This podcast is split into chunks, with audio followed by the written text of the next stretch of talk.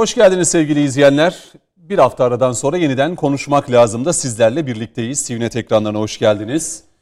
Tabii acımız büyük. Maalesef e, hafta başı itibariyle aldığımız haberlerle birlikte ülkece e, üzgünüz ama tabii en önemlisi 13 vatandaşımızın annesi, babası, aileleri çok daha büyük bir acıyı yüreklerinde yaşıyorlar.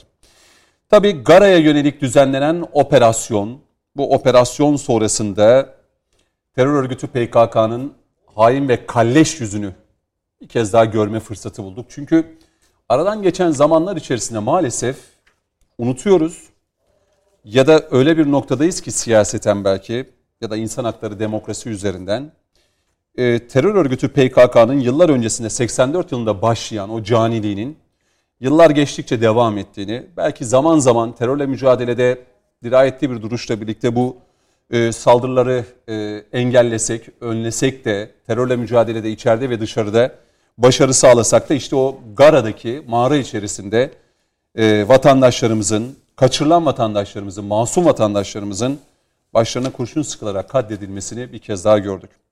Tabii olay sonrasında sosyal medyada yaşananlara baktık. Ee, yanlış, yalan bilgilerle, tevziratlarla ortalığı bulandırmaya çalışanlara tanıklık ettik.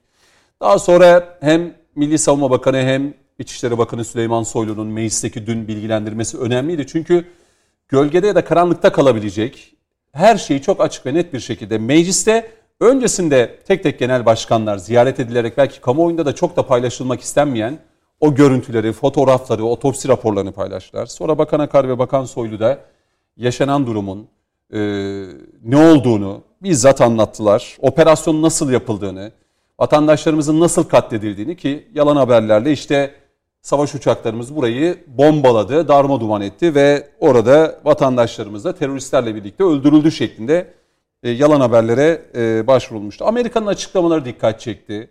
E, özellikle Büyükelçisi Satterfield'ın e, Büyükelçiliğe, e, Büyükelçi olarak Satterfield'ın Dışişleri Bakanlığı'na çağrılması. Daha sonra eğer üzerinden o Amerika'nın yapmış olduğu açıklamaya Türkiye'nin tepkisi sonrasında o tepki değişti.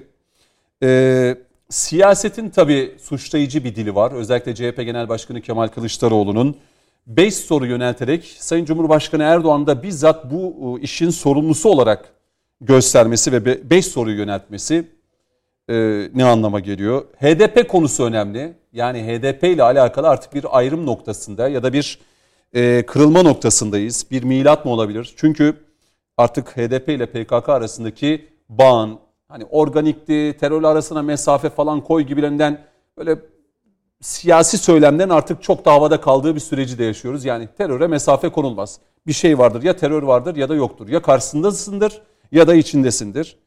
Ee, ve tabii ki Türkiye-Amerika ilişkilerini özellikle konuşacağız. Dört değerli konuğumuz var sevgili izleyenler. İstanbul stüdyomuzda TÜRKAT Başkan Yardımcısı Avukat Ertuğrul Akar bizimle birlikte. Hoş geldiniz. Kolay gelsin, iyi yayınlar. Sağ olun.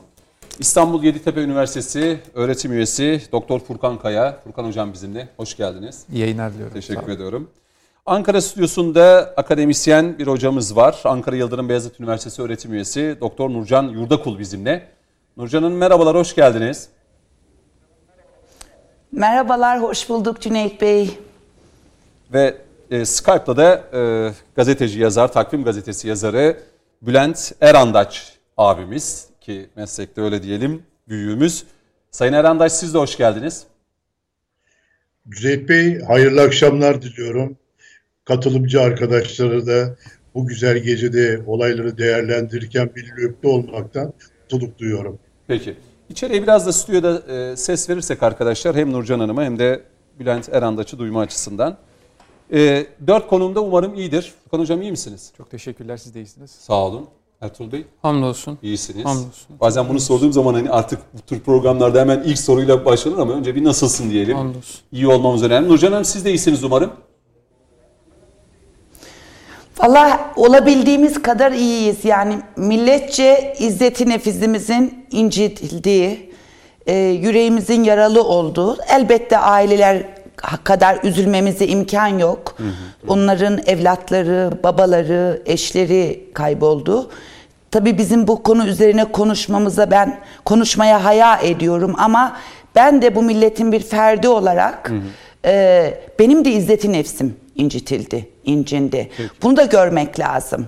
Peki hocam. Yani bu meselenin çözümü için Türkiye'nin gösterdiği olağanüstü çaba, e, mevcut hükümetin e, geçmiş hükümetlerinde ve hakeza yeni dönemde aldığı olağanüstü sorumluluk, o, aldığı olağanüstü riske rağmen e, böyle bir şeyin yaşanmış olması ve tabii bir de böyle bir meselenin yani bu bizim dış politikamız, dış komşularımızda gerçekleşse de komşumuzda olsa da dış politikamız böyle bir meselede bu milletin cümle fertlerinin gerçek ve tüzel kişilerin yani bizler gerçek kişiler olarak bizlerin e, gazeteler, medya kuruluşları ve siyasi partilerde tüzel kişiler olarak onların e, sahici bir sorumluluk almasını ve bu meselede e, kendi namlarına birileriyle olan hesaplarını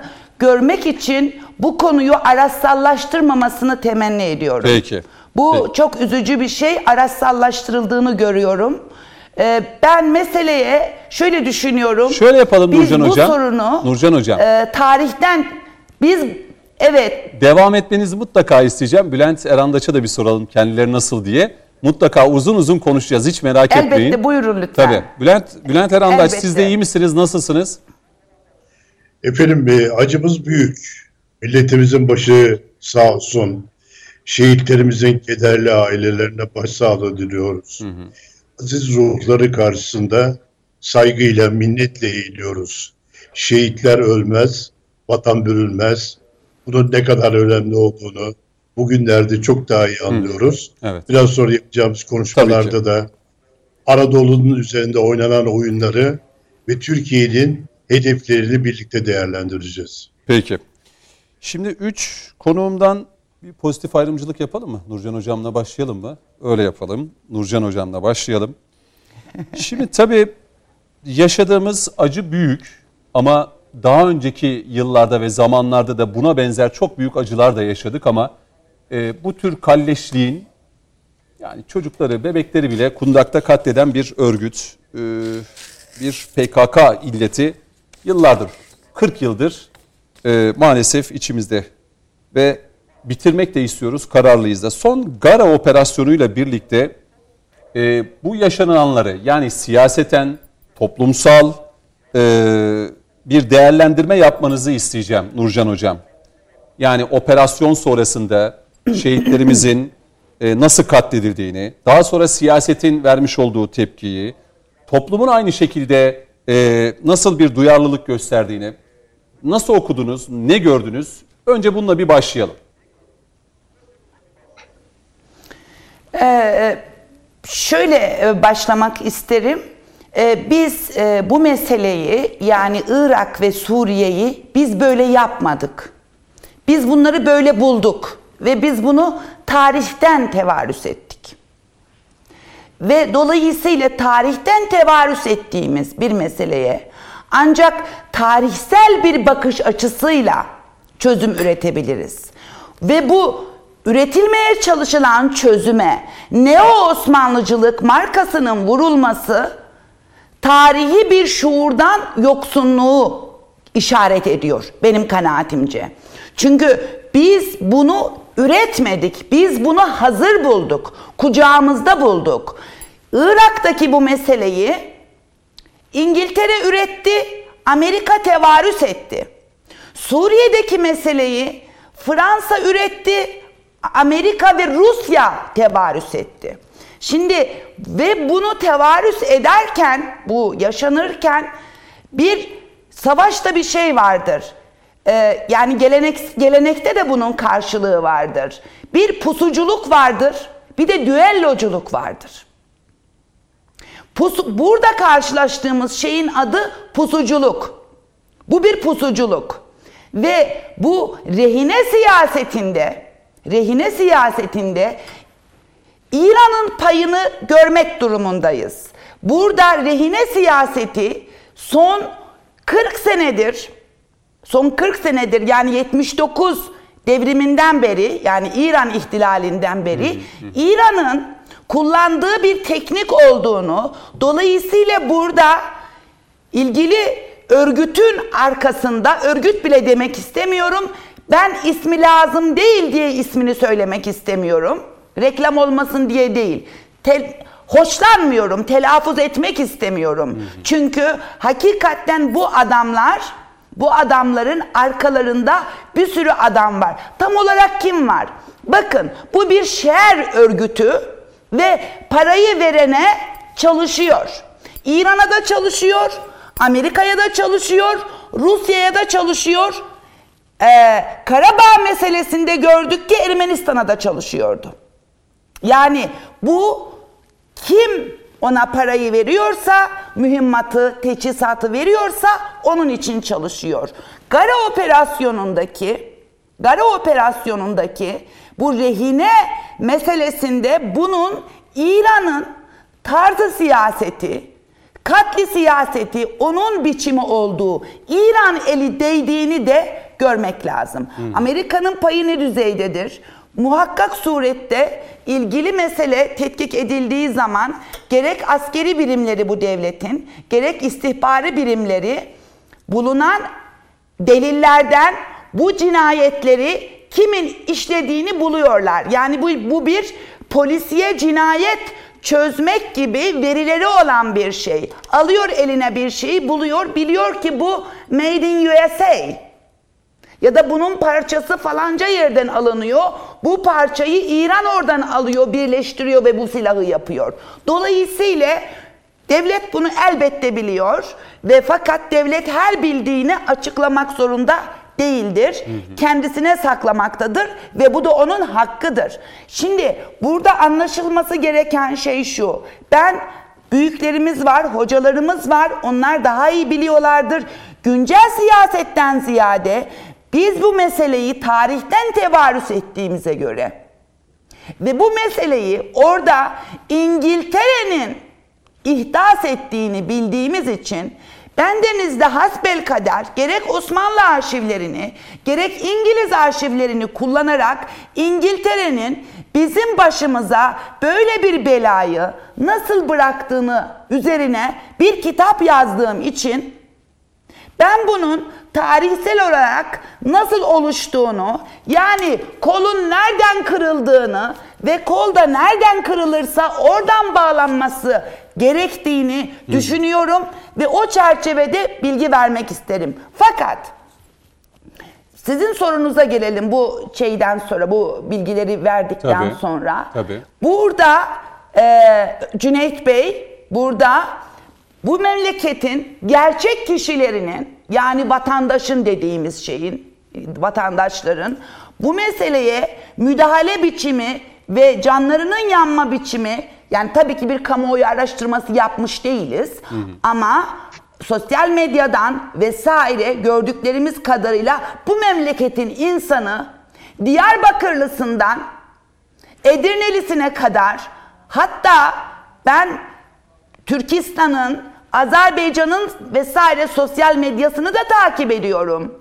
Oralardan gördüğüm kadarıyla herkesin canı yanmaktadır. 6 senedir, 5-6 senedir tutsak edilen insanları en nihayetinde öldürülmesini Türkiye'nin sabrını zorlamak ve provokasyon olarak görüyorum. Ve bunu yapanların cesareti de, bu cesareti de Biden hükümetinden aldığını düşünüyorum. Ve Biden hükümetinin kurmaylarının bu konuda yanlı olduklarını düşünüyorum. Yanlı oldu ve bu adamlara bu cesareti verdiklerini düşünüyorum. Nitekim yaptıkları araştırmada, açıklamada if clause dedikleri eğer PKK yaptıysa o şartlı cümlesinin aslında mirdi kıpti şecaat arz ederken sirkatin söyler. Baştan önden yutturabilirsem, yedirebilirsem Türkiye'ye ben bu havayı bir bulandırabilirim, katili bir saklayabilirim derken aslında hı hı. katilin azmettiricisi olduğunu gösterdiğini düşünüyorum. Ve bu meselede tüzel kişilerin, isim vermeyeceğim, siyasi partilerin kalkıp hiçbir şey demeden hunharca iktidardaki ve sorumlu insanlara yönelmesini de ben milli duygulardan yoksunluk, ülke sevgisinden yoksunluk ve bu meselenin çözülmesinde sorumluluk almaktan kaçış olarak değerlendiriyorum. Peki. Türk dış politikasının behemahal Amerikan sefiri kebirini ifade vermek üzere Türk dışişlerine çağırıp do ne bil doğruyu söyle ne diyorsun diye ikaz ettirilip ve ağzından doğru ifadesinin alınmasına da cesurca ve seni yakaladım benden kaçmaz ne yaptığını biliyorumu ibraz etmek olduğunu düşünüyorum efendim. Evet. Şimdi tabii bu Amerika-Türkiye ilişkilerini tek tek konuşacağız. Geçmişten günümüze e, Türkiye'nin hatta Osmanlı'nın Elbette. e, yani Abdülhamit döneminde de başlayan değil mi? Terör saldırıları o dönem itibariyle başlıyor. Yani terörü aslında e, Abdülhamit Han döneminde görüyoruz. Yani ona yönelik Ufak çapta. Tabii o hani- suikast Hı, ile birlikte aslında terörle tanışmış da oluyoruz bir anlamda. Ee, bu küresel güçlerin, emperyalist güçlerin. Şimdi e, Ertuğrul Bey size döneceğim. Çünkü bununla alakalı hocam da konuşurken Nurcan hocam yine e, Bülent Erandaş da belirtirken bazen zaman zaman televizyon kanallarında re- r- denk geldi. Çünkü kullanılan kelimeler çok e, özenle seçilmeli.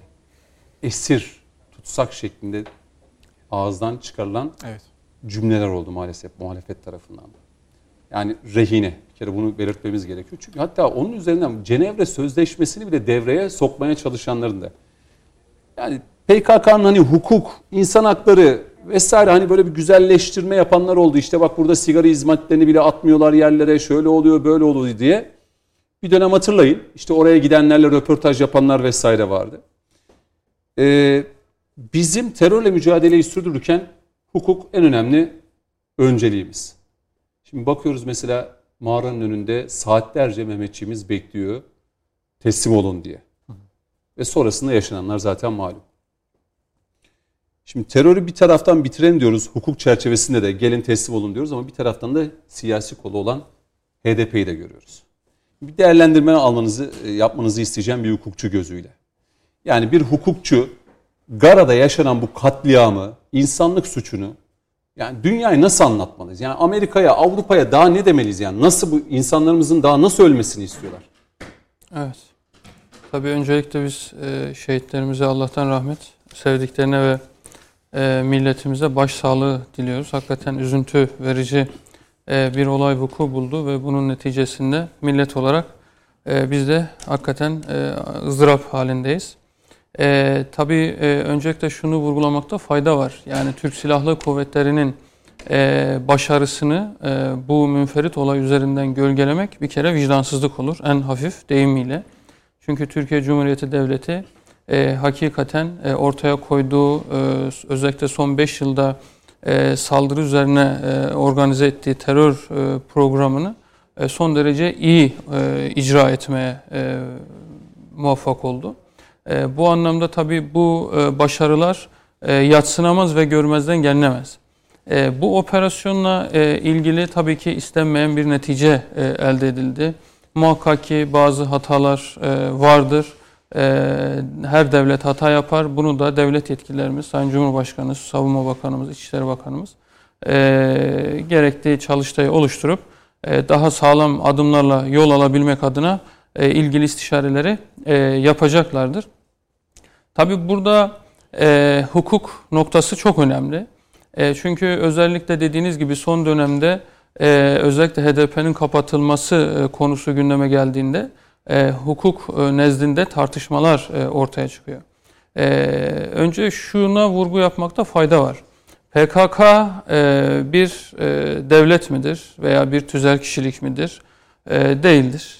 E, doğal olarak e, PKK gibi e, terör örgütlerinin e, nezdinde hukukun e, geçerliliğini önce bir sorgulamak lazım. Yani siz ne yaparsanız e, karşılık bulur. Yani çünkü özellikle ceza hukuku anlamında ceza hukukunun esas misyonu e, suç işleyen kişilerin ıslahı ve onların tekrardan topluma kazandırılması ve bununla birlikte de suç işlemeye meyilli insanların e, korkutulması, e, gözdağı verilmesidir.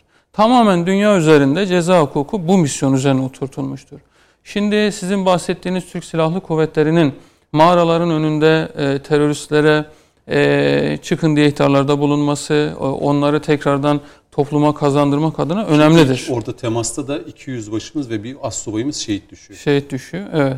Şimdi e, hukukun e, açısından baktığımızda tabii ki ceza hukukunun misyonunu işletebilme adına yani o kişileri tekrardan topluma kazandırabilme adına e, önemli bir e, e çalışmadır bu. Çünkü e, tabii ki sadece öldürerek sadece e, şiddetle bu işi çözemezsiniz. Hı hı. Ama bazı durumlar vardır ki e, sizin başka çareniz yoktur. E, ben her zaman Garada şunu, bu mu yaşandı? Kesinlikle. Ben her zaman şunu söylüyorum. Yine de söylüyorum. Devleti yıkmak adına kullanılan silahlar hani e, 80 darbesinde bizim olanlar diye e, konuşanlar var ya onların devletimizi yıkmak adına kullandığı silahın adı demokrasi ise ben o demokrasiye karşıyım. Onların devleti yıkmak adına kullandığı silah hukuksa o hukuka karşıyım. Bir de barış kelimesini çok. E, oraya da geleceğim. Şimdi e, bir de şu çok önemli bir tespittir. Her zaman e, göz önüne alırım ben yorumlarımı yaparken. Hı hı. E, birileri çok fazla e, demokrasi ve barıştan bahsediyorsa onu bir soru işaretiyle e, dinlemeniz gerekmektedir. Ben ona yenisini ekliyorum. Birileri çok fazla hukuk diyorsa orada bir sorun vardır. Kısa bir örnekle ne demek istediğimi açıklayayım Tabii. size. Ee, geçen günlerde İstanbul Barosu Başkanı Durakoğlu Halk TV'de bir programa çıktı. Hı hı. Programın sunucusu zaten emekliliği gelmiş, fikri melekeleri artık yerinde olmayan bir insan, e, sürekli İslam'a hakaret eden e, bir kişi. E, şimdi orada sunucu kendini büyük hukukçu olarak tanımlayan, sürekli hukuk ve demokrasi dersi veren, adliyelerin önünde FETÖ'nün bildirilerini sallayan kişiye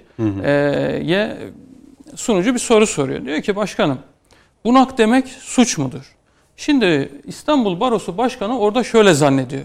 Zannediyor ki bu sunucu başkalarına bunak demiş. Hayır diyor efendim öyle şey mi olur? Bunak tıbben yaşlı insan demektir. Ama diyor şimdi sunucu diyor ki he o zaman sorun yok. E, biz derse e, onlar bize derlerse ne olur? O zaman suç diyor. Şimdi bunların hukuku bu. Bizim sormamız gereken şey hangi hukuku işleteceğiz? Bu çok önemli ve kritik bir sorudur. Tekrar ediyorum devleti yıkan e, argümanın adı bunların bahsettiği hukuksa ben o hukuku kabul etmiyorum. Burada PKK terör örgütüyle ilgili olarak da 84'ten bu yana 40 bin şehit vermişiz. Ve karşımızda son derece e, beslenen, değerli hocam ona değinecektir, hı hı. E, bir e, örgüt görüyoruz. Orada o mağaranın şemasını gördüğümüzde ben dehşetler içinde kaldım. Yani 3-5 çapulcunun elinde kazma kürek de o e, şey. mimariyi artık mimarı diyorum evet, buna. Mimar yani yapması ihtimal dahilinde Hiç bile değil. Gibi. Evet. Çelik kapılar. Yani çelik kapılar yani esir odaları ayrı, tabii, duş odaları tabii, yani tabii. bugün mümkün değil yani o bir, ya Almanya'nın, Amerika'nın, Fransa'nın artık kimse desteği olmadan ihtimal değil. Şimdi siz buraya hangi uluslararası hukuku işleteceksiniz? Hangisini? Şimdi Amerika Birleşik Devletleri mesela e, Irak'a girdi, hı hı. Mısır'a müdahalede bulundu, Suriye'ye müdahalede bulundu, Afganistan'a müdahalede bulundu. Ne dedi Afganistan'la ilgili olarak? Dedi ki orada bir terör örgütü başı var, hı hı. Ona müdahale etmek istiyoruz. Veya İran'a ne dedi? Dedi ki siz, Irak'a ne dedi? Dedi siz yer altında bir nükleer çalışma yapıyorsunuz. Hı hı. Ama ondan sonra bir baktık ki şey ya dediler ki biz yanlış anlamışız. Ama millet şunu kaçırdı orada. Amerika kendine özgü bir anlık hukuk oluşturdu. Ve dünya dedi ki ya adamlar bir sebebe dayandılar. Bu da bir hukuk şeklidir, hukuk hı uygulama şekli. Şimdi bizim bunu mu algılamamız gerekiyor? Yani Türkiye aslında doğru yaptığı yoldan sapıp bahaneler üreterek ve kendi hukukunu anlık oluşturduğunda mı doğrusu olacaktır? Hmm. Hiçbir şekilde biz buna katılamayız. Bizim devlet olarak yaptığımız çalışmalar son derece doğrudur. Ben şunu anlıyorum söylediklerinizden. 40 yıldır terör belası var. Bunun siyasi uzantısı var. Kesinlikle. İsimler, tabelalar değişti Kesinlikle. ama 40 yılda değişen bir söylem farklılığı yok. Bence çok Kesinlikle. iyimseriz. Yani- Yani, daha ne hukuku olabilir? Yani Yani şöyle bir dakika sonra reklama gideceğim dönüşte. tamam. Ee, Yani daha ne kadar iyimser olabiliriz ve- ya da hukuk daha ve ne olmalı? Ve şöyle şöyle düşünelim mesela. Ee, hukuk dediğimizde biz aslında neyi arayacağız? Her zaman tekrardan verdiğim örnek üstüne basa basa tekrardan söyleyeceğim. Anayasa Mahkemesi'nin Enis Berberoğlu kararı. Meclis geçici 20. maddeye koymuş anayasaya ama Anayasa Mahkemesi geçici 20. maddeyi çiğneyerek yok sayarak Enis Berberoğlu'na tekrardan baskı yaparak hani o ışıklarını yandıran e, Anayasa Mahkemesi var ya ne yaptılar ne ettiler? FETÖ'yle bağlantısı olduğu iddia edilen devlete ajanlık yaptığı noktasında Can Dündar'ın firari Can Dündar'ın da köşe yazılarında bas bas bağırdığı ben verdim e, Enis Berberoğlu'na dediği e, bir mevzuda e, Anayasa Mahkemesi anayasanın geçici 20. maddesini çiğneyerek dosyası henüz sonuçlanmamış olan bir kişiye tekrardan milletvekilliği koruması ihdas etti. Şimdi biz neyin hukukunu arayacağız? Hangi hukuku arayacağız? O anlamda devlet terörle mücadele e, anlamında kesinlikle e, salt hukuk noktasında giderse o zaman biz başka değerlerin mahkumu oluruz. Batı değerlerinin az önce bahsettiğim kendi hukuklarını konjöktüre göre o anlık oluşturan ama kendi millet ve devletlerinin bekası noktasında hiç taviz vermeyen e, medeniyetlerin esiri oluruz. Şu anda Türkiye bu esareti yırtmak, zincirlerini kırmak aşamasında. O anlamda da Sayın İçişleri Bakanı'nın e, 300'e yakın terörist kaldı dediği noktada aslında bu e, katliamda bir nevi tekrardan manevi bir güç kazandırma ve o Batı medeniyetinin ortaya koyduğu çalışmayı pekiştirme adına yapılan bir çalışmadır. Şimdilik böyle bir değerlendirme Peki, yapayım. Daha peki. sonra gireriz. O zaman şöyle bir araya gidelim. Bir 3-4 dakikalık ara devamında hem Furkan Hocam'la hem de Bülent Erandaş'la devam edeceğiz. Konuşmak lazım.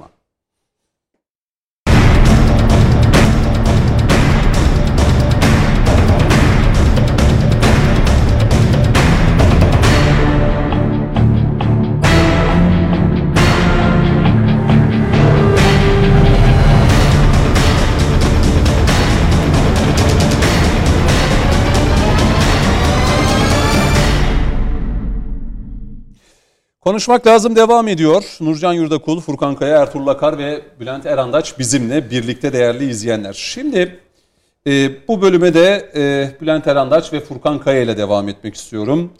E, Furkan Hocam biraz Amerika-Türkiye konularını size e, bırakacağım bu bölümde. Ama önce Bülent Erandaç'la e, şu Gara'da yaşananlar ve ardından mecliste yapılan açıklamalar e, çok dikkatimi çekmişti. E, Sayın Erandaç, Tabii önce bu yaşananlarla alakalı kısa bir değerlendirme alayım. Ondan sonra belki e, soruyu size yönelteceğim. Yani HDP konusu, Pervin Buldan'ın birkaç cümlesi var. İşte bu Gara'ya giden HDP'li kim konusu var. Bunları açıkça size sormak isterim ama genel bir değerlendirme yapmak ister misiniz Gara'da yaşananlara dair, Gara operasyonuyla alakalı?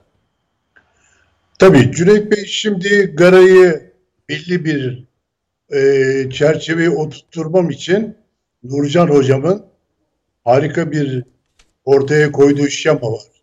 Çok büyük resim var. O çok büyük resmi ortaya koyduktan sonra bugün Ga- Gara'da yaşanan olaylar, Türkiye'nin nasıl kuşatılmak istendiğini, neler yaptığını değişik olaylarla beraber değerlendirme şansımız olacak. O çerçeveye hemen koymamızda, yani çok büyük resmi ortaya koymamızda yarar var. 1071 yılında Anadolu topraklarından çıkan Türk İslam medeniyeti Viyana kapılarına dayanmış, Avrupa işlerini geçmiş, bir dünya devleti olarak, bir imparatorluk olarak çok önemli bir resim ortaya koymuş. 1099 yılında Haçlı seferleri başlayarak Türkiye, Anadolu üzerinden yani bir İslam medeniyeti, Türk İslam medeniyetini yıkmak üzere harekete geçmişler. Bunlar devam ediyor bin yıldan beri. Yüzyıllar geçiyor, ülkeler isim değiştiriyor, olaylar değişiyor.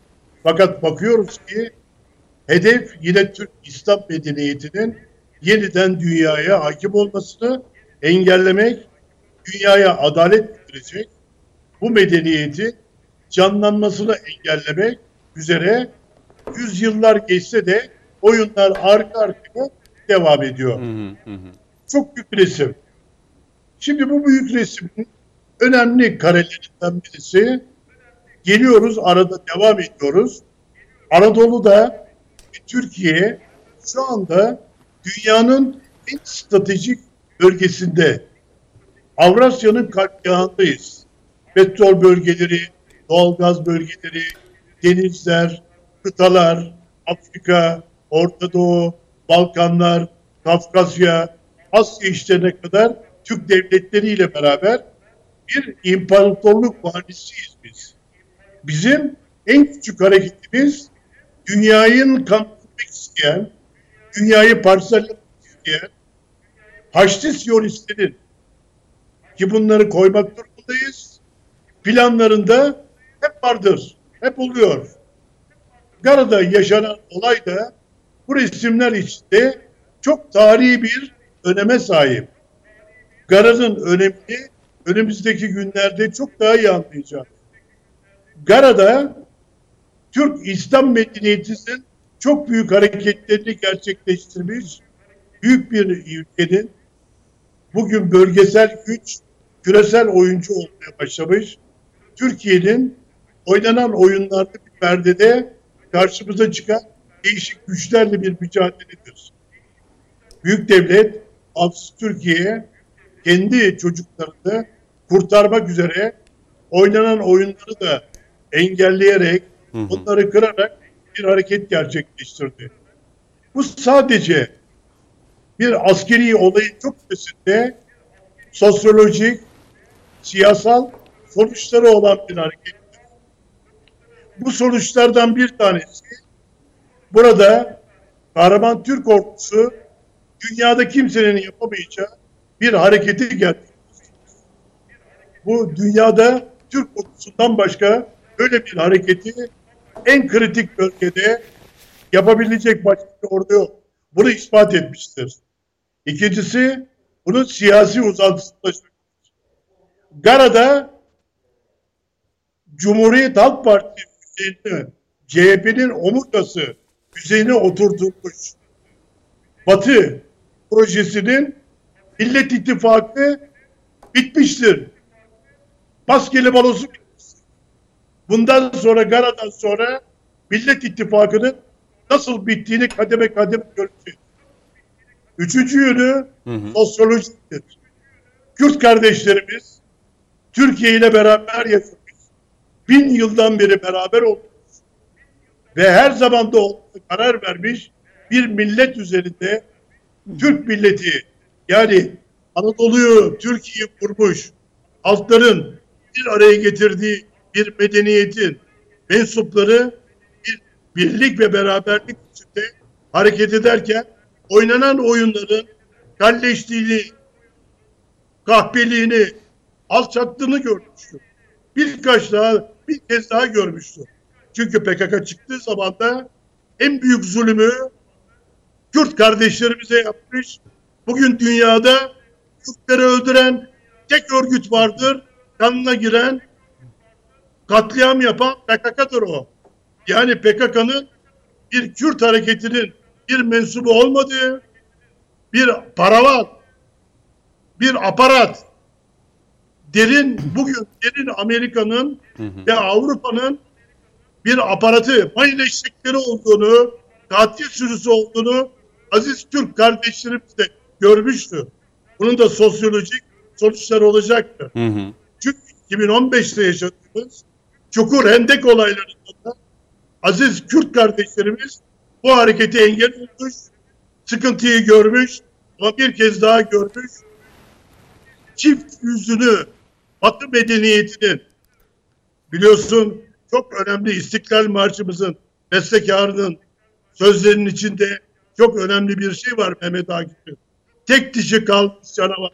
Hı hı. O canavarın neler yaptığını, kendileri üzerinde de neler o ne gibi oyunlar kurguladığını görmüştür.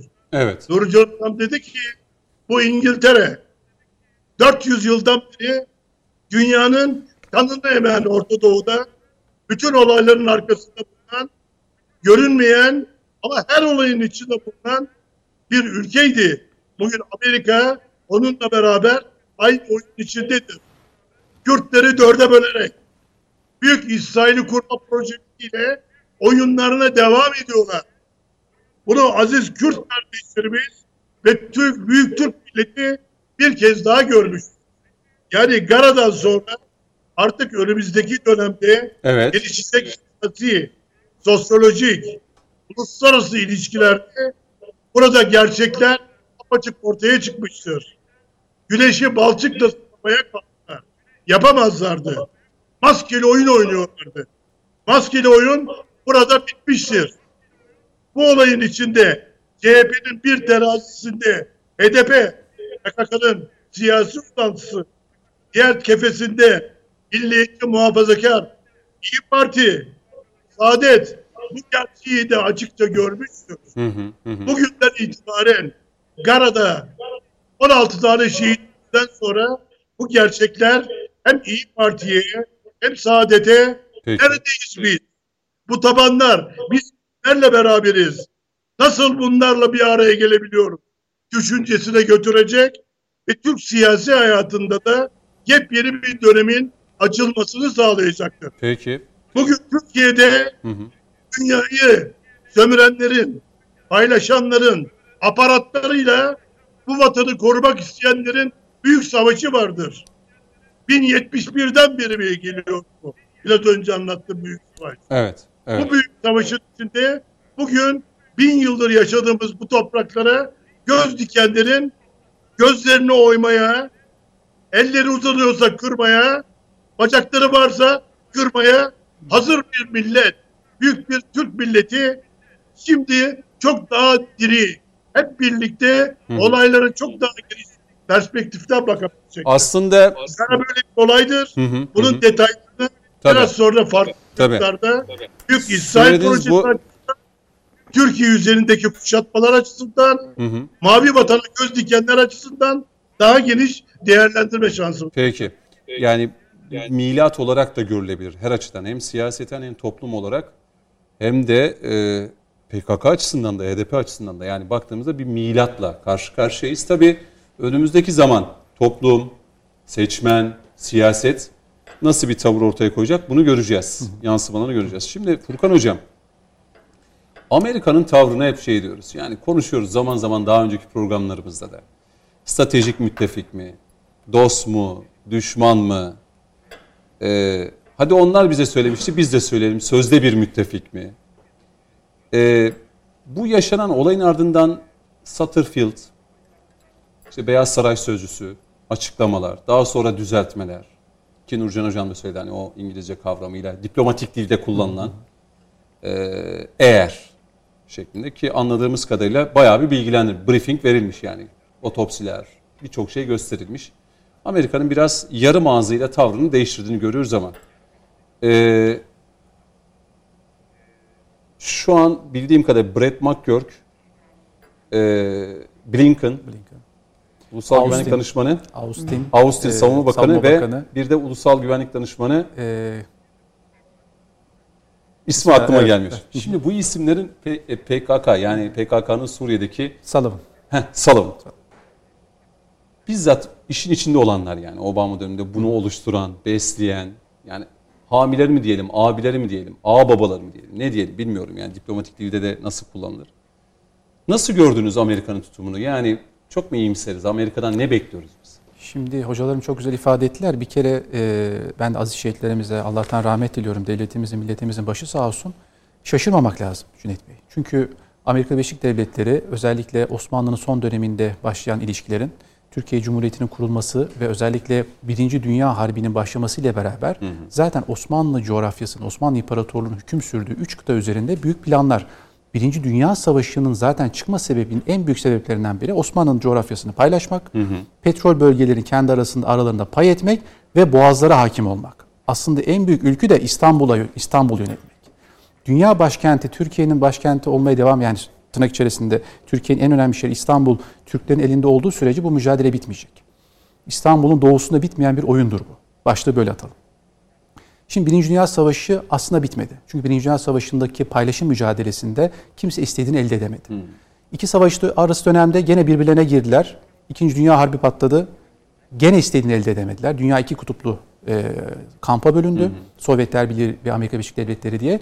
45'ten 90'a kadar yine istediklerini elde edemediler. Soğuk Savaş bitti. Amerika süper güç olarak ortaya çıktı. Yine olmadı. İkiz kuleleri patlatılmasına izin verildi. Bu sefer Amerika Bush yönetimiyle beraber büyük bir küresel savaşı ilan etti. Hı hı. Gene aynı coğrafya. Bakın değişen hiçbir şey yok. Doğru. Gene bizim çevre coğrafyamız, gene Osmanlı hükmettiği coğrafyalar ve sözüm onu bir Arap Baharı süreci yine patlatılarak bu sefer 1916 senesine gidildi. Saypikot Anlaşması'nda olduğu gibi yeniden kendi aramızda İngiltere'nin, Amerika'nın, Rusya'nın ve kendi vekalet güçleri beraber hı hı. bir paylaşım mücadelesine girildi. Gabar bile Şimdi, Saypikot deyince Gabar öyle bir noktada ki Gabar'dan 2-3 kilometre ötesine gittiğinizde yani Türkiye sınırı oradan çizilse PKK için varlık alanı kalmayacak. Zaten sınırlar biliyorsunuz çizilirken ve özellikle misak-ı milli mücadelesinde hı hı. aslında misak-ı milli mücadelesi yarım kalan bir mücadeledir. Misak-ı Milli bizim bugünkü sınırlarımız değildir. Misak-ı Milli bunun çok daha ötesidir. Biz Mavi Vatan aslında büyük bir devrim kapısını açmış bulunmaktayız. İnşallah bunun devamı da gelecek. Hı hı. Şimdi çok güzel çok güzel söylediniz. Eğer sınırlar öyle çizilseydi Türkiye'nin başında belki PKK Tabii. terör bela edilmeyecekti. Ama zaten biliyorsunuz Birinci Dünya Savaşı'ndan sonra cetvelle çizilen coğrafyalar yeniden bozulmaya hazır hale getirildi. Ve özellikle ne hikmetse 1916-2016'ya geldiğimiz zaman yeni bir sürecin başlatılması için düğmeye basıldı. Hı hı. Şimdi tabii çok uzun mevzular bunları keşke zamanımız olsa. Fakat şu var aslında Cüneyt Bey. Amerika Birleşik Devletleri Türkiye hiçbir zaman için gerçek bir müttefik olarak görmedi. Amerika Birleşik Devletleri Türkiye'yi aslında tırnak içerisinde bir rakip olarak da gördü. Şimdi Amerika'yı biz tabii şimdi belki sözümden dolayı beni eleştirecekler ama gözümüzde büyütüyoruz. Tamam ekonomik bir dev. Ekran başına ya Furkan hocam yapma ya. Şimdi diyebileceklerdir var. fakat ben tarihi konuşacağım gene. Şimdi Amerika'yı biz gözümüzde askeri bir güç, ekonomik büyük bir güç kabul ediyoruz. Bununla ilgili bizim bir şey, şeyimiz yok. Fakat sizce 2. Dünya Savaşı'nın sonunda Avrupa'yı gerçekten kurtaran Amerika mı yoksa Rusya mı?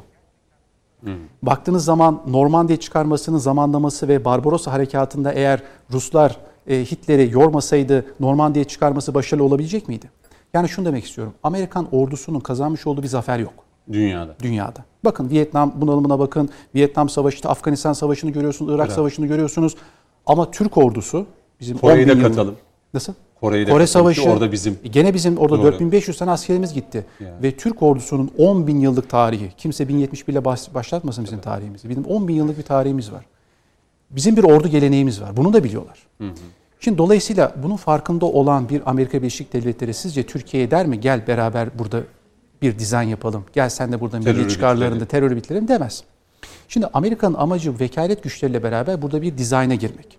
Şimdi hep diyoruz ya Obama dönemi aslında üçüncü dönemine başladı. Çünkü neden Obama dönemindeki bürokratlar bugün işte bakanlık düzeyine geldi ve daha saldırgan, daha sert ifadelerle geldiler. Hı hı.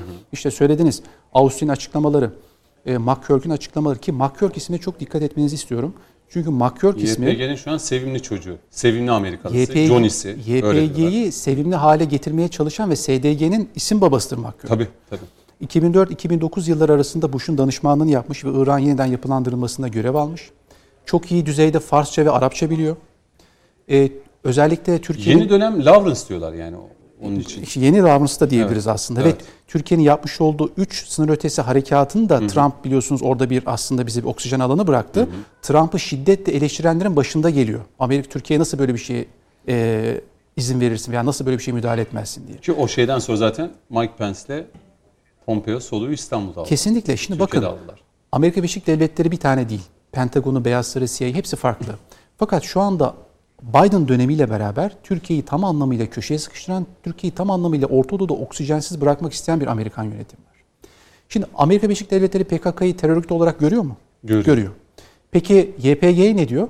Onlar bizim müttefikimiz diyor. Oluşum olarak nitelendiriyor. Oluşum olarak görüyorlar. DAEŞ'le savaşan da DAEŞ'le savaşan e, bizim onlar bizim dostlarımız diyor. Avrupa İnsan Hakları Bu, Mahkemesi de e, Demirtaş kararında YPG oluşum olarak nitelendirdi. İşte kelime kavram oyunları. Şimdi bir farkı var mı? Yok.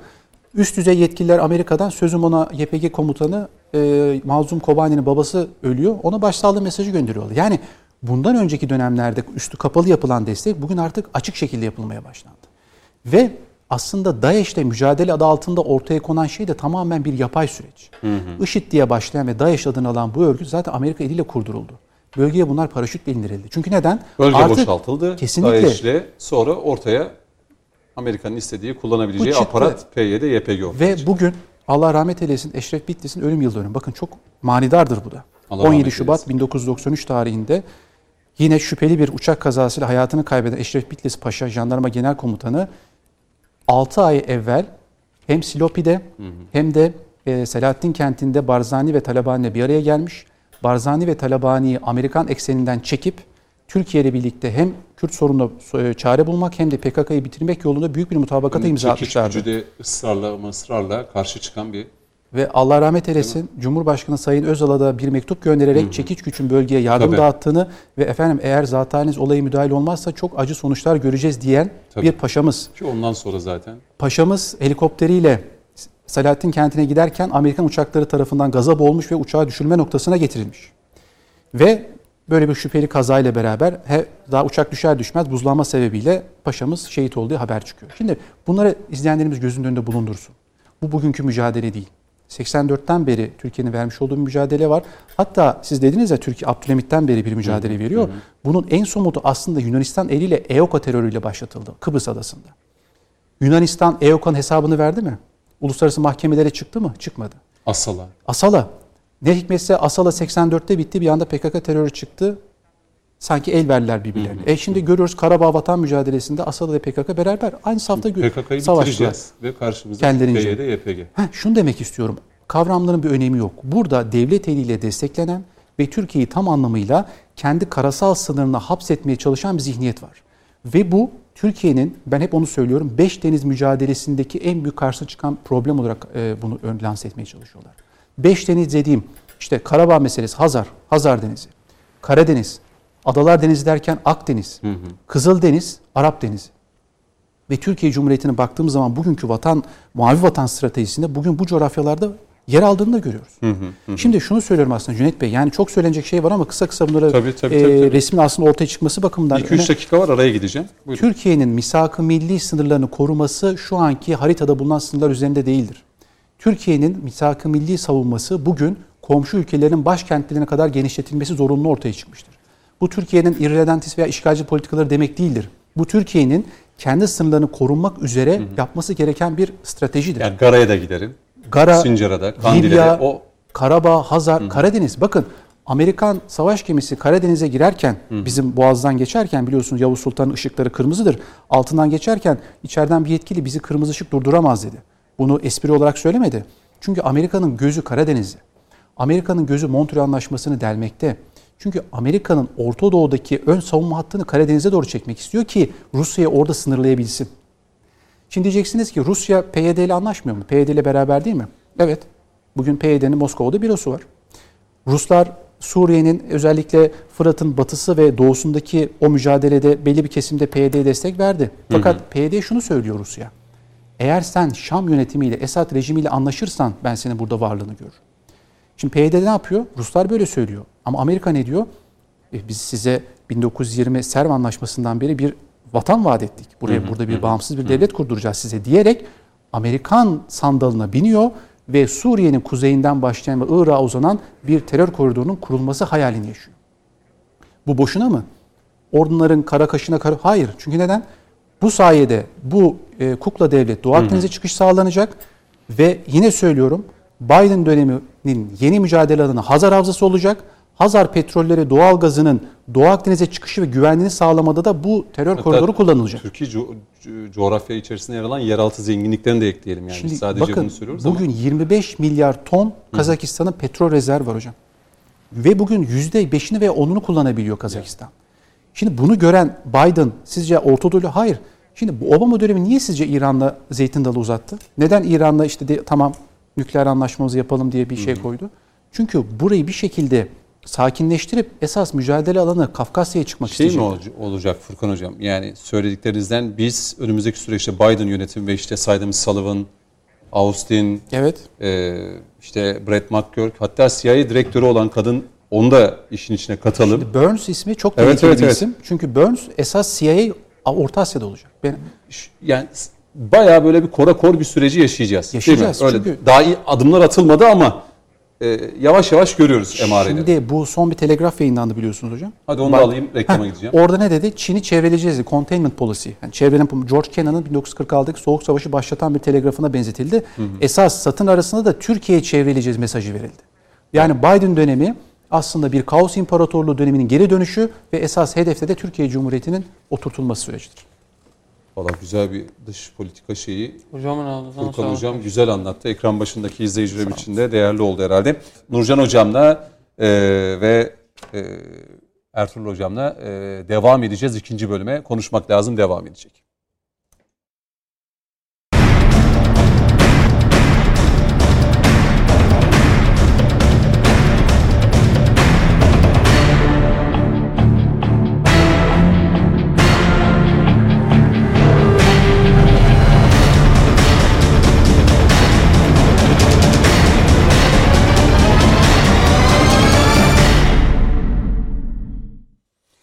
Evet, konuşmak lazım. Devam ediyor değerli izleyenler. Doktor Nurcan Özkaplan Yurdakul hocamız, yine Furkan Kaya hocamız, e, Ertuğrul Akar hukukçu e, ve Bülent Erandaç gazeteci yazar. Konuklarımız konuşmak lazım da. Şimdi bu bölümde tabii konuklarımızdan şunu da isteyeceğim. Yani konuşmak lazım da hani bir konuğumuz konuşurken diğerimiz beklemeyelim. Konuşalım, kendi aramızda konuşalım. Programın ismine e, yakışır bir şekilde konuşalım.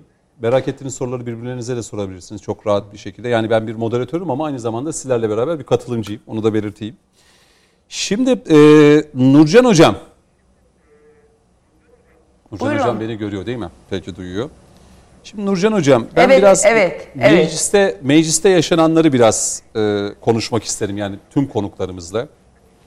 Şimdi hem Sayın e, Hulusi Akar, Milli Savunma Bakanımız hem de İçişleri Bakanı Süleyman Soylu çok net ifadelerle belki aslında kapalı bir oturum da yapılabilirdi. Yani belki baş başa görüşmelerde çok da kamuoyuyla paylaşılmayan şeyler de paylaşılmıştır, anlatılmıştır ama özellikle Hulusi Akar operasyonun nasıl yapıldığını da anlattı. Bir tevzirat vardı. Yani bu e, 13 e, vatandaşımız işte bizim e, savaş uçaklarımız tarafından orası bombalandı ama anlattı yani gay olayın ne olduğunu anladık. Yani biz operasyon daha başlamadan önce Evet. oraya harekatı özel kuvvetlerimizi inmeden içeride adeta artık Murat Karayılan mı ya da Amerika'nın da herhalde izni olmadan böyle bir kullanacağım ama bu infaz, bu ka- katliam gerçekleşemez öyle gözüküyor ama emir veren de herhalde Murat Karayılan'dır. Ki Sayın Soylu zaten net bir şekilde ki meclis izlerken o dosyayı sesinin titremesi, öfkesi ondan anladık. Ee, şu cümle geçti yani Türkiye'de hani siyasi parti olarak HDP diyoruz ya mecliste bulunuyor, hazineden yardım alıyor. Orada Pervin Buldan'ın söylediği bir cümle var yani. Misafir edecekler sonra da serbest bırakacaklar diye. Bunu ayrıca Ertuğrul Bey size de soracağım. Yani bu cümle nedir? Ne yapımı, hukuken neyi vardır? Karşılığı nedir diye. Tek bir cümle bile ne anlama geliyor? Nurcan Hocam buradan bir başlayalım. Yani iki bakan net bir şekilde bilgilendirdi. Siz de izlediniz mi bilmiyorum meclisteki bu bilgilendirme konuşmalarını Tabii. iki bakanın da. Ee, buyurun hocam size sözü vereyim. Teşekkür ediyorum. Ee, şimdi e, Kürtler e, kadim ve asil bir millettir. Bizim medeniyetimizin içerisinde e, Bülent e, Beyefendi hocamızın da belirttiği gibi e, kadim bir yer tutarlar. Fakat bunlarla bizim aramızda bir kültürel, içsel ve siyasi bir bütünlük vardır. Otantik bir bütünlük vardır. Tarihimizin kritik aşamalarında biz bu işbirliğini yaşadık. Şimdi bize bu işbirliğinde destek olan, birlikte davrandığımız, ben buna kalem ve silah arkadaşı olarak Türkler ve Kürtler diyorum, milleti İslamiye'nin aktörleri olarak. Daha ziyade teşkilatlandırmada Osmanlı Hanedanı'nın cesim ve güçlü e, yapısı Devleti Aliye gereğinde Türk unsuru öndedir ama kalemiye noktasında Kürt unsurun gördüğü rolü ve özellikle Doğu siyasetinde gördükleri rolün ve bu şuurun Atatürk'ten sonra unutulduğunu ve tevarüs edilmediğini ancak rahmetli Özal'la hatırlandığını çok kabaca söyledikten sonra şunu söylemek isterim. Yani bu adamlar kimlerdir? Yani saatlerce konuşabiliriz. Keşke konu bu olsa ve ben anlatabilsem. Çünkü ben bu konuda makaleler yazıyorum. Uluslararası dergilere makaleler yazıyorum. İngilizce yazıyorum. Şu yüzden İngilizce yazıyorum. Biz biliyoruz, farkındayız, anlamıyoruz zannetmeyin de demek için. Yani bu sadece bilim adamı sorumluluğu değil. Aynı zamanda bilim adamı ülkesine karşı da sorumludur. İnsanlığa karşı sorumlu olduğu kadar. Şimdi bu Kürt ahlakının, bu Kürtlerin Orta Doğu'da gördükleri siyasi ve ahlaki rolün bugün günümüzde ben Kürtlerin temsilcisiyim diye ortaya çıkan hiç kimse de ama hiç kimse de yani ne işte HDP'sinde ne ötede beride biraz Barzani'lerde biraz da mevcut hükümetin içerisindeki yani iktidar hükümetinin içerisindeki belli Kürt aydın ve siyasilerde olduğunu görüyorum. Ama onun dışında yeterince idrak edildiğini düşünmüyorum ve bu adamların bu Kürtlerin neden temsilcisi olmaya soyunduklarını hiç ama hiç anlayamıyorum. Çünkü hiçbir şekilde o muhteşem geçmişte, o muhteşem mazideki katkılarının, bu asil milletin katkılarının idrakinde olmadıkları gibi reddindeler. Bunu da anlamak lazım. Reddediyorlar bu. Bunu reddediyorlar. Cüneyt Bey, hı hı. bu reddediliyor. Neden reddediliyor? Yok çok kısa bir özet vermek istiyorum. Bülent hocam söyledi. Ne dedi? 1071'de Mirvan Beyliği el verdi diyor. Anadolu'nun fethinde el verdi diyor. 1071'de. Tıpkı Dobruca Tatarlarının Rumeli fethinde el verdiği gibi. Yani bu iki milletin ortaklığı ki bu millet lafı sonradan çıktı. Biz zaten bir millettik ve birlikte Türk devlet geleneğini inşa ettik. Ve bu adamlar okkalarca mürekkep akıttılar. Bu işin hukukunu yazdılar.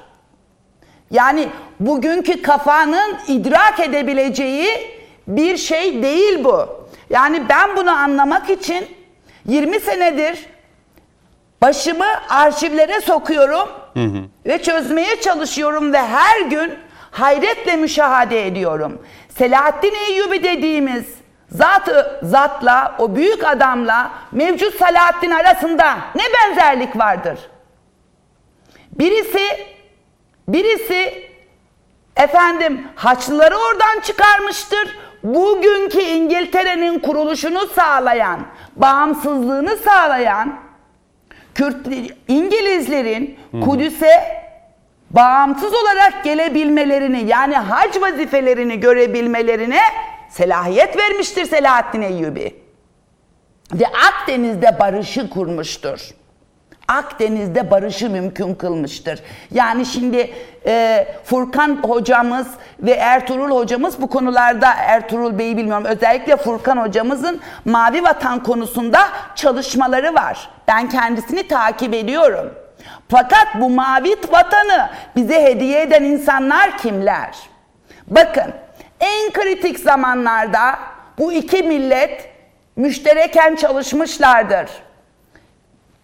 1071 12. yüzyılda Haçlıların temizlenmesinde Selahaddin Eyyubi kumandandır. Ama kurmayları Türkmen beyleridir efendim. Bilinmez söyleyelim. Kimin kumanda ettiğinin önemi yoktur. Maksat bir tanedir. Nizamı alem yani bugün the New World Order diyorlar değil mi? Bunu biz yapıyorduk. Bunu biz bin sene yaptık. Bunu biz bu şaka değil. Efendim kapitülasyonlar dediğimiz şey yani amanname sistemi Akdeniz Ekonomik Birliği'dir. Yani Avrupa Ekonomik Birliği neyse o da o zaman oydu. Fakat iktisat tarihçileri çıkıp bunu çalışmaz. Bunun çalışılması lazım. Yani İngiliz'in Keynes'i, İngiltere'nin iktisadi birikimini temsil etti, ortaya koydu. Bizim iktisat tarihçileri ne yapıyorlar? Yani barış sadece siyaseten pasife etmekle değil, karınları da doyurmakla mümkün olmuş olur. Ve bizimkiler bunu yaptılar. Ge- hızlı geçelim. Şeye geliyorum, sıkılmıyorsunuzdur inşallah. Ama Vallahi sıkılınacak sıkılıyor gibi musunuz? değil. Yavuz, Yavuz, Ya- Yavuz, Yavuz Mısır'ı fethettikten sonra Mezopotamya'yı imparatorluğa kattıktan sonra efendim imparatorluk imparatorluk oldu. Akdeniz Halice Devleti Aliye yani Devleti Aliye'nin yani büyük devletin çünkü bir tane büyük devlet var. Onu Osmanlı İmparatorluğu demek onu tenzili rütbe etmektir efendim. Onun adı Devleti Aliye'dir. Yani büyük devlet, bir tane büyük devlet var. Bitti. Gerisi bakarız. Ve şampiyona da o devirlerde Babürlerle Osmanlılar arasında oynanıyordu. Evet evet öyleydi. Şampiyonu onların arasında oynanıyordu. Yani iki Türk İslam devleti arasında oynanıyordu. Daha sonra topa Şah İsmailler girdi efendim. Şimdi 1700 e, 1517 Mısır seferinde kim el verdi Osmanlı ordusuna? İdrisi Bitlisi. Hem mahremanındandır Yavuz'un. Yani ne diyorlar bugün? Nasıl diyeceğiz mahremanından? Sırda, sırdaşı, sırdaşı, sır katibi dedikleri. Hem ulemasıdır, hukukçusudur. Evet evet hukukçusudur, fıkıhçıdır efendim. Yani çok teknik, e, etnikli, çok dinli, çok uluslu yapılar nasıl yönetilir? Bunun bilgisine sahiplerdi. Bu noktada da Avrupa Siyasi Birliği neydiyse bizimkisi de odur. Yani dünyaya hukuk öğretirler. Hukuken nasıl haklar tayin edilecek? Hocam şimdi Ve bu Kürtler hem Selahattin Eyyubi efendim. hem Selahattin Eyyubi hem İdris Bitlisi örneğini verince Hem İdrisi Bitlisi. evet. Evet. Bu iki örneği Evet. verince şimdi Cüneyt Bey. günümüz itibariyle bir de bir Selahattin Demirtaş bir kıyaslaması yaptınız. Şimdi hem Avrupa İnsan Hakları Mahkemesi hem Ben haya ben haya ederim Selahattin Demirtaş'ın Selahattin Eyyubi ile benzerliğini zikretme noktasında haya ederim. Alakaları yoktur efendim. Ya Evet, bu- Cüneyt bu, Bey. bunu anlatmanızın sebebi de zaten hani e, bu ülkede bu topraklarda işte 1071 dediniz e, Alparslan Selahattin Eyyubi bu topraklara hükmetmişler. Ne için e, hükmettiğini de net bir şekilde anlattınız. Nizamı alem. Yani bilmiyorum bu konuda e, Bu kadar. evet, Dünya evet. barışı, dünya barışı. Peki e, tabii bu örnekleri verdikten sonra günümüz itibariyle yani e, ülkemizde ve topraklarımızda yaşayan e, Kürt kökenli e, vatandaşlarımızla alakalı bir siyasi partinin olduğunu da biliyoruz. Yani konuyu aslında buraya getireceksiniz belki geçmişten de bu örnekleri vererek. Konuyu getireceğim. 3-4 adıma daha ihtiyacım var. Hocam, 3-4 süreyi de iyi değerlendirmek istiyorum o açıdan. lazım müsaade buyurursanız. Hayır süreyi de iyi değerlendirmem lazım Evet. o yüzden. Bir 3-4 dakikam var reklama gideceğim buyurun devam edin buyurun. Evet. Hızlı gidiyorum. Hızlı gidiyorum. Dördüncü Murat'ın Mısır seferinde şey e, Irak'ın seferi var. Irak seferinde yani Bağdat seferi yani şu Genç Osman'ın Genç Osman dediğim bir küçük uşak beline bağlamış ibrişim kuşak askerin içinde bir küçük yiğit uşak Allah Allah deyip geçti Genç Osman. O zaman efendim bu babanzadeler diye bildiğimiz adamlar işte o fetu, fütuhata karış katıldılar ve Bağdat'ın Osmanlı'ya te- tekrar İran'dan anılıp iade edilmesinde kilit rol oynadılar. Şimdi efendim devam edelim. Ondan sonra bir sorun çıkmıyor. Ha Kürtler isyan etmemiş miydi? Herkes kadar etmişlerdi. Celaliler de etmişlerdi, Canikliler de etmişlerdi, Boşnaklar da etmişlerdi, Kırım Hanlığı da etmişti. Yani zaten İslam'da isyan ahlakı vardır. Ne dediler Hazreti Ömer'e? Biz kılıcımızla düzeltiriz sen yanlış yaparsan. İslam'da bu selahiyet vardır. Bu selahiyeti İslam bey olana, adil olana, adam olana verir. Bizim devlet geleneğimiz de verir.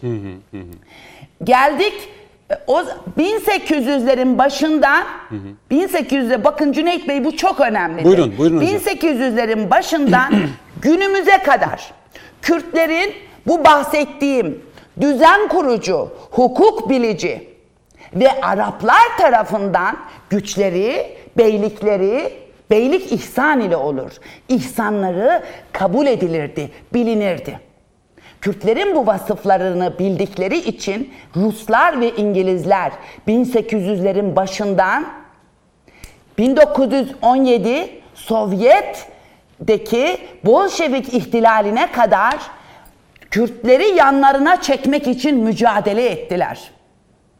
Bunu bilmeniz lazım. Fakat bu Kürtler, fakat bu Kürtler ne dediler biliyor musunuz? Efendim, biz bir yere bağlanacaksak Bağdat vilayetine değil doğrudan İstanbul'a, Dersade'de bağlanmak isteriz dediler. 1918'de işte 1914-18 yılları arasında Cemal Paşa Reisi Rüesai Urban yani Arapların reisliğine soyunurken bizim Enver Paşa eminim çok halisane duygularla eminim çok halisane du- duygularla Turan duyguları yaşarken yaşarken ki bugün Azerbaycan'ın bağımsızlığında onun mücadelesinin de payı vardır. Ancak irrasyonel bir sürü tarafı vardır Kafkasya seferlerinin. O ayrı. Fakat Atatürk ne yapıyordu biliyor musunuz Mustafa Kemal Atatürk, Kurmay Albay? Efendim Diyarbakır'da Kürt beyleriyle görüşüyordu. Tarih bunu Cumhurbaşkanlığı arşivinin evrakına girerseniz görürsünüz. Ben bunları gözlerimle gördüm, okudum. Hocam Ve bir dakika efendim, var. Reklama gideceğiz. bugündür Atatürk'ten sonra Atatürk'ten sonra bunu idrak eden diğer adam rahmetli Özal'dı. Bunu dönüşte anlatalım ve karşısında Amerika'nın ve Rusya'nın nasıl tavır takındığına gelelim efendim. Peki. Ee, Nurcan Hocam valla bayağı bir geçmişten günümüze kadar bir fotoğraf çekti. Ee, belki yakın dönem yani Özal'a kadar geldiniz bayağı. Ee, Özal sonrası da var zaten e, süreci de baktığımızda. Evet. Şimdi bir ara diyelim. Kaç dakika öğretmenim? Peki bir 5-6 dakika ara diyelim. Dönüşte buradayız.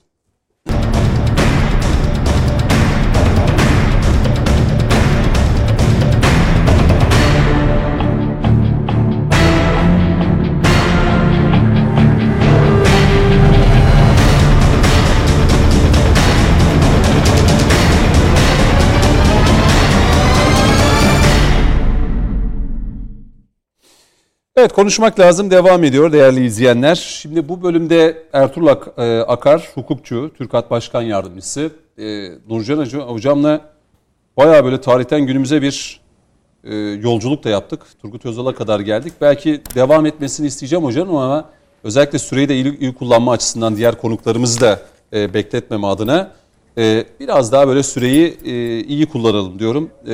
Belki Nurcan Hocam'a sordum ama Nurcan Hocam tarihten günümüze bir şey e, sundu. Özal'a kadar geldi. E, Özal döneminde de zaten bir e, Kürt meselesi mi diyelim, işte Sayın Cumhurbaşkanı Erdoğan'ın başbakan olduğu dönemde çözüm süreci mi diyelim. Yani bunlar hep oldu. Bunlara hep yönelik adımlar atılmıştı. E, belki konuşacağız ama özellikle meclisteki bu e, Pervin Buldan'ın cümleleri benim aklımda takıldı kaldı yani Ertuğrul Akar. Ya sadece Misafir edecekler, bırakacaklar diye. sadece Pervin Buldan'la ilgili bir durum değil. Yani genel Hede- Hüdakaya, evet kesinlikle. Gergerlioğlu'nun o gün manipüle etme amacıyla kullandığı e, attıkları paylaşımlar. hatta e, muhalefet kesiminin e, maalesef HDP dışında kalan birkaç unsurunun da bu söyleme e, uzaktan da dolaylı da ol- olsa iştirak etmesi aslında sorunlu bir e, husus. Tabii e, hukuki olarak e, değerlendirilebilir aslında. Yani e, alenen e, PKK terör örgütü yani bir suç örgütünün e, söz konusu olduğu bir e, durumda e, misafir e, edilip bırakacaklar bilgisinin bir kişiden e, gelmesi suç işlemek amacıyla oluşturulmuş bir terör örgütünün e, müşterek fail anlamına gelir. Yani e, Türk Ceza Kanunu 37 ve 39. maddeleri açıktır. Yani burada e, faillik e, tanımlanmıştır. E, müşterek faillik vardır, bunun dolaylı kısmı vardır. Yani örnek veriyorum bir çocuğa e, para verip birini öldürtmek. Hı hı. Burada da e, kişiler aynı oranda ceza alırlar. Veya ortak hırsızlık yapan e, birinin gözcü olması, birinin fiili doğrudan işlemesi fakat ortak e, ceza alırlar. Yani vatandaşın anlayacağı şekilde hızlı e, geçmeye çalışıyorum. Tabi yine e, 38-39. maddelerde şeriklik yani ortaklık, suçu beraber işleme kastı, fiilin içinde beraber bulunma e, noktası, e, yardım etme, TCK e, 39, 392'de suçun manevi desteği, yani suça manevi destek vermek ne demektir? E, suç işlendikten sonra e, kişiye yardım vaadinde bulunma veya suçun işlenmesi e, aşamasında o kişinin suçu nasıl işleyeceğine yönelik yönlendirmede bulunma. TCK 392'ye göre bu da e, bir suçtur. Yine Türk Ceza Kanunu'nun 220. maddesinin 7 ve 8. E, hükümleri de e, vardır. Orada da e, suç işleme kastıyla oluşturulan bir örgüte o, e, bilerek, isteyerek yardım etme. Bu da örgüt üyeliğinden sayılır. Yani hmm. kişinin madde hükmünde der ki kişinin örgüte üyeliği bulunmasa dahi yine vatandaşların anlayacağı şekilde açıklıyorum e, kişinin örgüte e, üyeliği bulunmasa dahi e, örgüte bilerek ve isteyerek yardım eden kişi yine örgüt üyesi sayılır. Yine 8. 220'ye 8'de örgütün olumlu propagandasını yapma. Hı hı. Burada da şunu örnek gösterebiliriz. E, buradaki olumlu propaganda yapma e, misafir edecekler noktasında veya işte sigara yerlere atmıyorlar. Bu örgütün olumlu propagandasıdır. Hmm. Veya PKK terör örgütünün ismini anmamak Şimdi insanlar bu noktada da tartışma Tabii. yaratıyorlar. Bu hukuki midir yani. değil midir? Evet. Terör örgütü, alçak terör evet. örgütü ama kim? Şimdi PKK terör örgütünün siz ismini anmazsanız bunu benim bir hukukçu olarak çok rahat bir şekilde yorumlayabilirim. Yani şöyle örnek ver. Hain terör örgütünün ben bu saldırısını kınıyorum. Evet. Örnek verdim. Türk Ceza Kanunu açısından işlenen e, suçlar e, noktasında illa milletvekillerinin Pervin Bullan'ın onun bunun e, PKK terör örgütüyle birlikte orada elinde silahla Türk Silahlı Kuvvetleri'ne çatışması gerekmiyor. Burada e, Türk Ceza Kanunu çerçevesinde e, iştirak e, etmeleri, manevi destekte bulunmaları, yardım etmeleri hı hı. E, tüm bu hususlar yine e, bu kişilerin suç işleyenlerle şerik olduğunu, ortak olduğunu, yardım etme kastıyla e, fiil e, icra ettiklerini ortaya koymakta ve bir de bu e, karşılığı müeydesi cezayı gerektiren bir husustur. Peki şimdi iki şeyi tartışıyoruz şu anda. Mesela HDP kapatılsın. Bir taraf bunu söylerken bir tarafta diyor ki siyasi yasak yani Avrupa'da örneği var. Mal varlıktan el konulması, hazine yardımı kesilmesi. Evet. E, çünkü şimdi kapatıldığı zaman daha önceki örneklerine göre tabela değişti, isim Kesinlikle. değişti, harfler değişti, başka bir. Burada ne olmalı? Yani şunu, şu an hukuk ne diyor? Türkiye'de hukuk ne Türkiye'de diyor? Türkiye'de hukuk şunu diyor. Hem e, anayasada e, ki anayasada gerekmiyor Kapatılmadan bunun için. çözüm bulunabilir mi? E, onu da söyleyeceğim. E, hem de siyasi partiler kanunu 103. maddesi açık. Herkes Google'a yazdığı zaman çıkar zaten. 103. maddede e, doğrudan e, HDP'nin bugünkü veya HDP milletvekillerinin bugünkü fiillerini, suç teşkil eden fiillerini işleyen kişilerin veya PDP tüzel kişiliğinin e, Yargıtay Başsavcılığınca dosya açılarak yine Anayasa Mahkemesi'nin 9 üyesinin vereceği kesin bir kararla kapatılması olağandır ki burada e, siyasi partiler kanunu e, odak olma tabirini kullanmıştır. Odak olma ne demektir?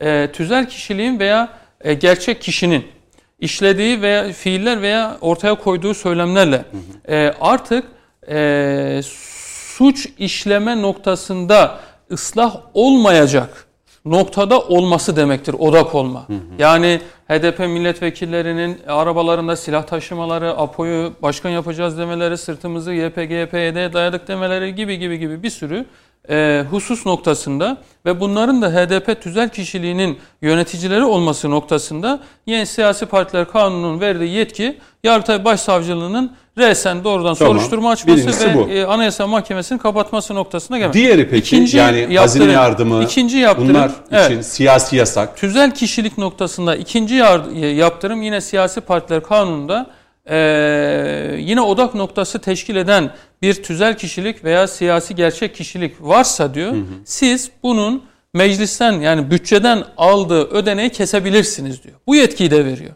Bununla birlikte yine o tüzel kişiliği temsil eden ve suç işleyen kişilerin, gerçek kişilerin de siyaseten e, yasaklanması noktasında bir yetki vermektedir. Fakat tüm bu hususlar derhal yerine getirilebilir mi? Evet şu anda hem mecliste bulunan siyasi parti grupları ve onların işte liderleri vasıtasıyla veya grup temsilcileri vasıtasıyla Yargıtay Cumhuriyet Başsavcılığı, Cumhurbaşkanlığı e, vasıtasıyla bu işlemler yapılabilir. Şimdi burada çok e, girift bir yapı söz konusu. Bu girift yapının unsurları şunlardır. Bir, e, hukuk, iki, siyaset, üç, toplum sosyolojisi. Şimdi bu üçünü değerlendirmeden bir adım atıldığında 7-8 Ekim olayları gibi Türkiye'de bir trajedi, bir katliam ortaya çıkabilir ki Selahattin Demirtaş biliyorsunuz o hususlardan dolayı e, yargılanmaktadır. Evet. Hı hı. Veya işte Diyarbakır'daki Hendek olayları gibi katliamlar ortaya çıkabilir. Burada yapılması gereken şey bence bu siyasi partiyi şu anki kanunla kapatsanız dahi sadece ve sadece bir mağdur yaratmış olacaksınız.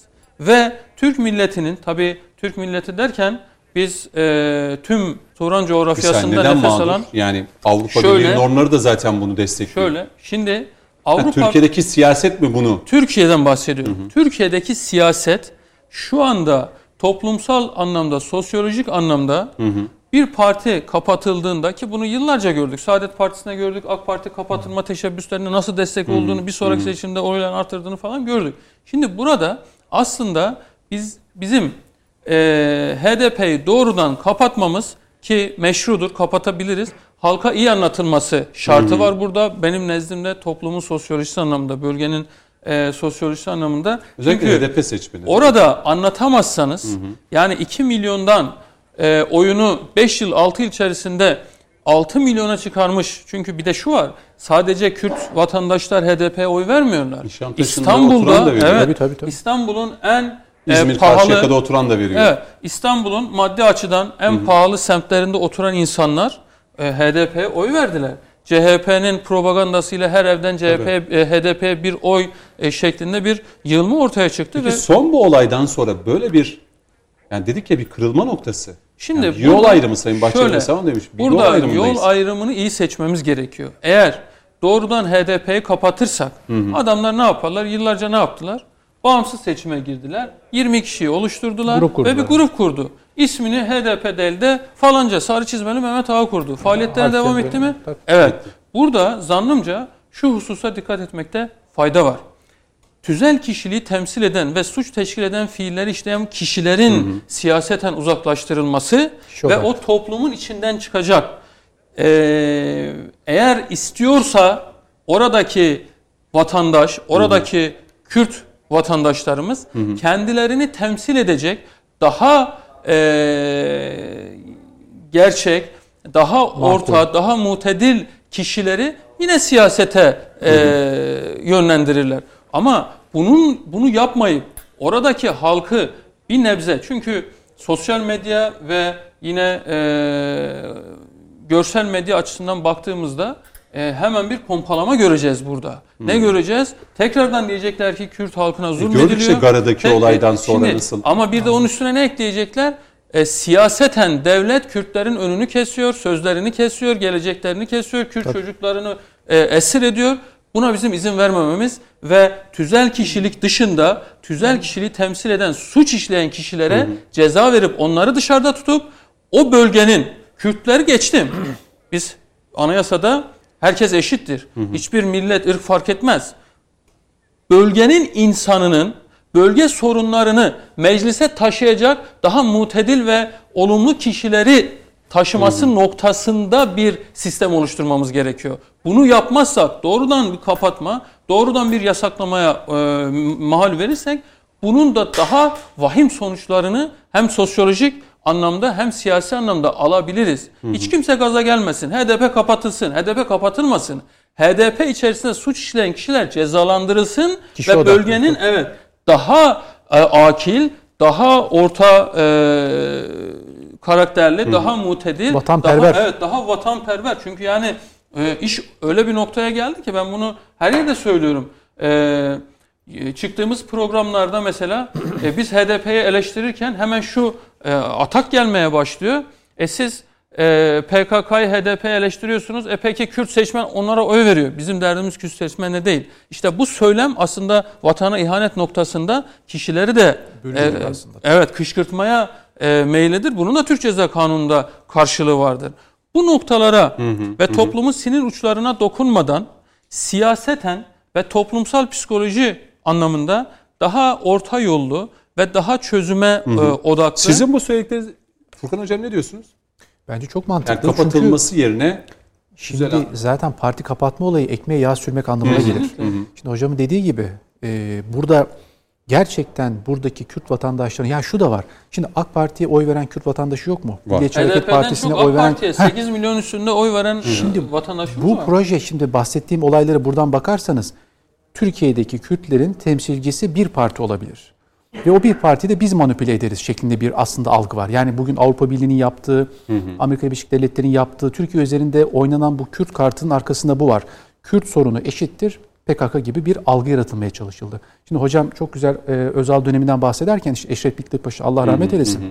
Onunla beraber, ekibiyle beraber Adnan Kahveci. Adnan Kahveci şimdi 93 yılı en Türkiye'nin en karanlık yıldır. Doğru. Adnan Kahveci, Eşref Bitlis, ondan sonra Madımak faciası, e, Recep ve Yazıcıoğlu'nun ölümü. Bunlar, o yıllar hep. E, tabii ki 90'lar karanlık yıllardır. Ve 33 erimizin şehit edilmesi. Tabii. Ve, so, ve Turgut Özal'ın Allah rahmet eylesin şüpheli ölümü. Bunlar hep önüne çekilen bir settir.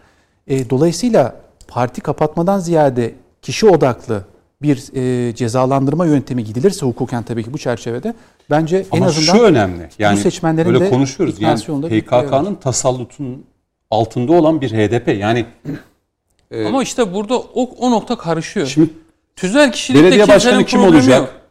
E, listelerde kim yer alacak? Direkt Kandil belirliyor. Kesinlikle. Ama yani, bunun bunlar, tüzel kişilikle tamam, ilgisi yok. Şu an Selahattin Demirtaş'a diyelim ki işte HDP'de görev yapan isimlere siyasi yasak vesaire getirdin. Yerlerini birilerini hemen Heh, bulamazlar mı? Orada da ne yapacaksınız? Hı-hı. Bu bir süreç ister.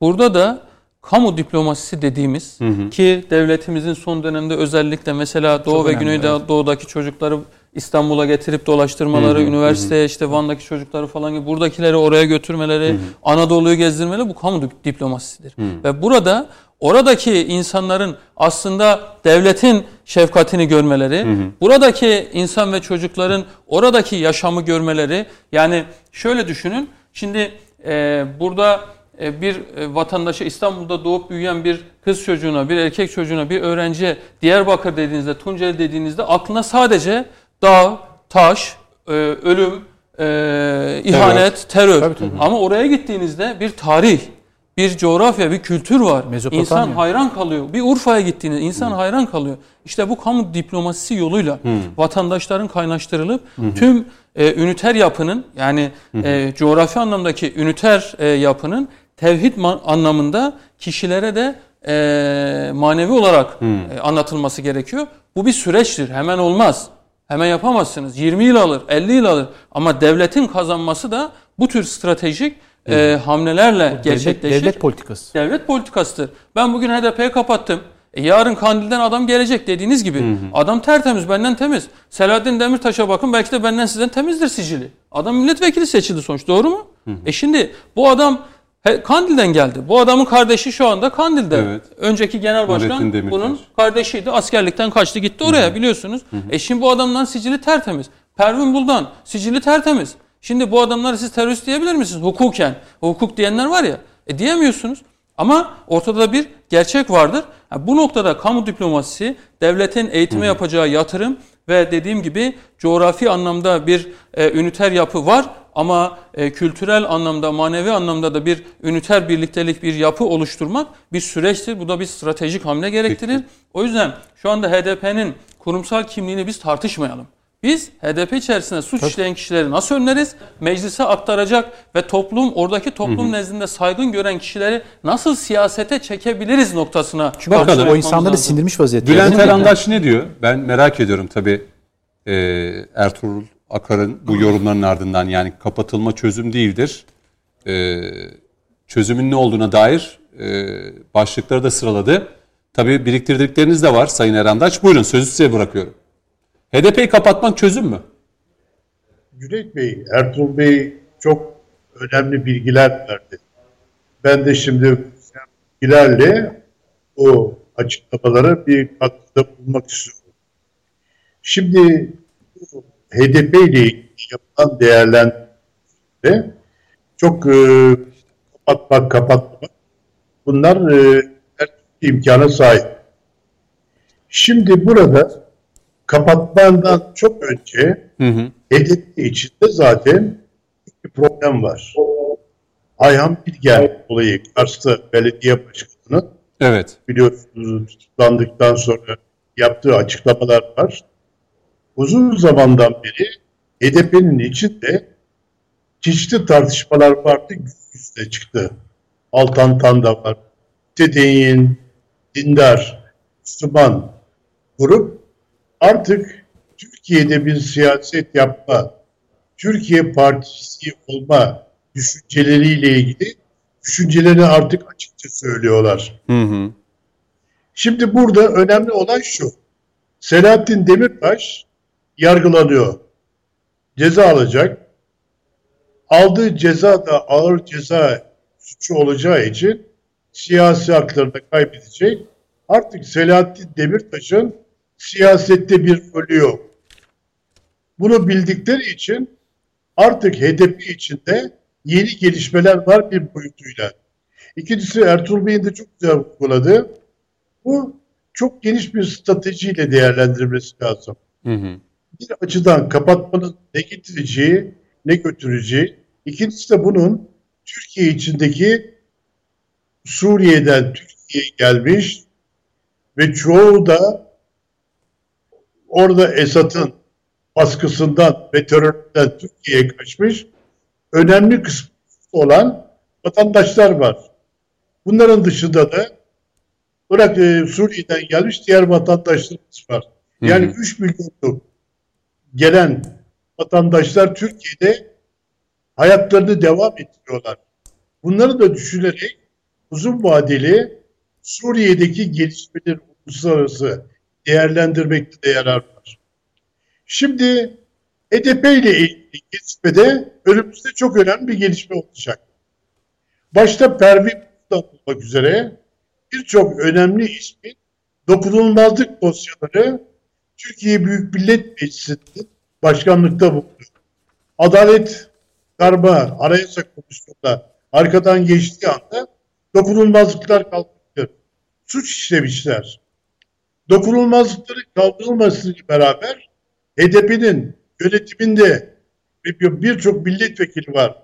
Önümüzdeki günlerde bugün de sizin programa katılmadan önce çok dikkatli bir şekilde Ankara'da yaptığımız çalışmalar üzerinde özellikle İçişleri Bakanımızın bahsettiği hı hı. Gara'ya giden HDP milletvekili kimdir? Kim? Biliyor musun Sayın Erandaç kim? Ee, tahmin ediyoruz ama şimdi söylemeyeceğiz. Çünkü İçişleri Bakanı ben açıklayacağım. Söylemedi ben, doğru. Doğru. Bazı eşkaller var elimizde. Çünkü bunu yapabilecek olan militan PKK ile birebir birçok olayın içinde bulunan milletvekilleri var. Bayan milletvekillerinde kim olduğunu biliyoruz. Bunlar içinde kim olabileceğini tahmin ediyoruz. Önümüzdeki günlerde açıklanacak.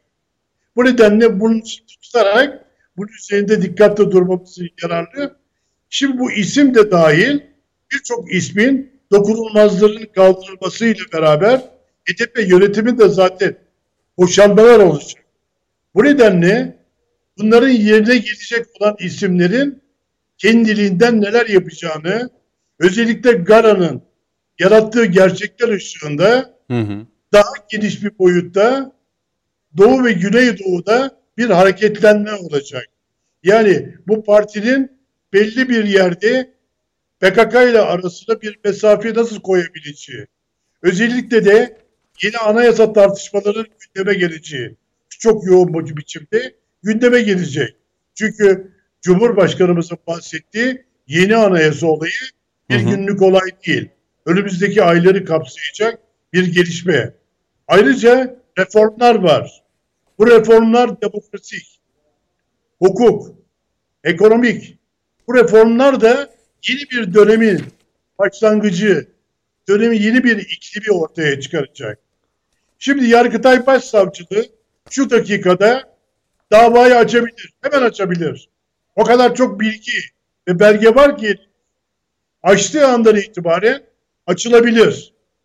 Bu dokunulmazlıkların kaldırılmasına paralel Yargıtay Cumhuriyet Başsavcılığı davayı açabilir. Kapatma davası. Anayasa Mahkemesi'ne gelir.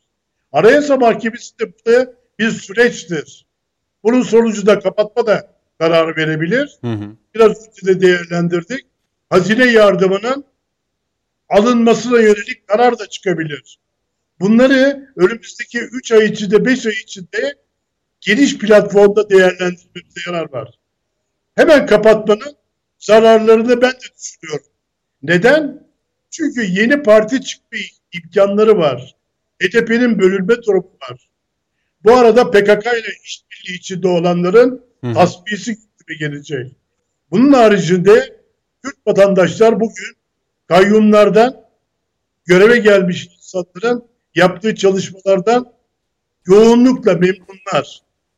Devlet imkanları, yardımlar, çeşitli ekonomik imkanlar Evet. kendilerine götürüyor. Bunlara paralel biraz önce de bahsettiğim gibi Türkiye'deki 3 milyon Suriye'den gelen kardeşlerimiz var. Bunlar yarın Suriye'de yeni dönemde nasıl bir konumda alınacaklar bir. İkincisi Suriye'ye döndükleri anda da yapabilecekleri var. O bakımdan bu gelişmeleri Hı hı. Türkiye içindeki Türk devletinin gösterdiği şefkattan, ilgiden, Evet. hayatlarını devam ettirirken onlara yeni bir hayat vaat ederken önümüzdeki dönemle ilgili gelişmeler de olacak. Yani bu olayı sadece bir parti kapatma açısından değil, Evet. Güneydoğu'daki vatandaşlarımızın göstereceği tepkilerden, yapacakları hareketlerden, Hı hı. yeni partilere doğru açılımlarından ve önümüzdeki Suriye'de de yeni gelişmelerle beraber yeni Suriye'deki yönetim biçiminin belirlenmesine paralel Türkiye'den gidecek olan Kürt vatandaşların da topraklarına döndüğü anda yapacakları birbiriyle bir bütün halinde. Yani çok acele etmeye gerek yok. Evet. Gana PKK'nın kalleştiğini biraz önce de konuşmama başlarken çok açık biçimde göstermiştir. Elleri arkasından bağlanmış.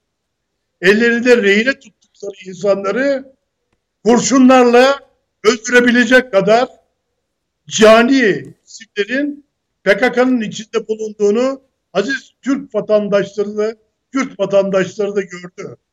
Ben onların içinde çok büyük tepki gösterenlerin bir kısmını biliyorum.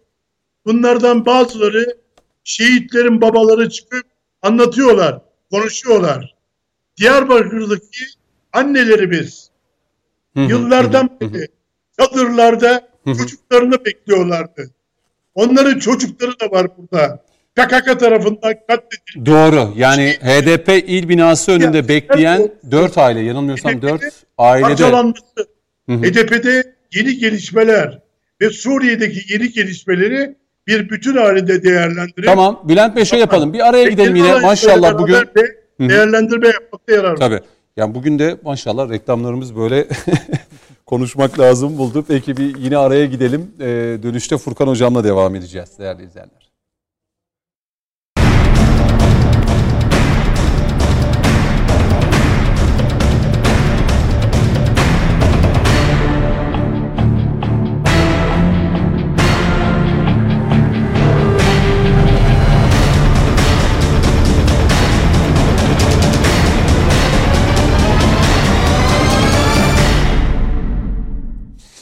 Evet konuşmak lazımın son bölümündeyiz değerli izleyenler. Ee, biraz daha hızlı toparlayarak belki hani bugün konuştuklarımıza virgül koyacağımız bir bölüm olacak. Çünkü daha konuşacağız, devam edeceğiz bu meseleleri ve bu konuları. Furkan Hocam hem kapatılma hem siyasi yasak yani birçok şeyi konuştuk. Sayın Eren Daç'a da kulak verdik. Belki son bölümde e, Nurcan Hocam'ın da e, görüşünü merak ediyor olacağım. Çünkü toplumun konuşması gereken bir konu. Ee, Ertuğrul Hocam dedi ki kapatma çare değil. Bellidir zaten hukuki olarak neyin yapılması gerektiğini. Anayasa Mahkemesi işte Yargıtay Cumhuriyet Başsavcılığına verilen kanunda yazan maddeler gereği ikisi de kapatma davası açabilir. Ee, Siz nasıl düşünüyorsunuz? Yani bir akademisyen olarak e, HDP konusunu.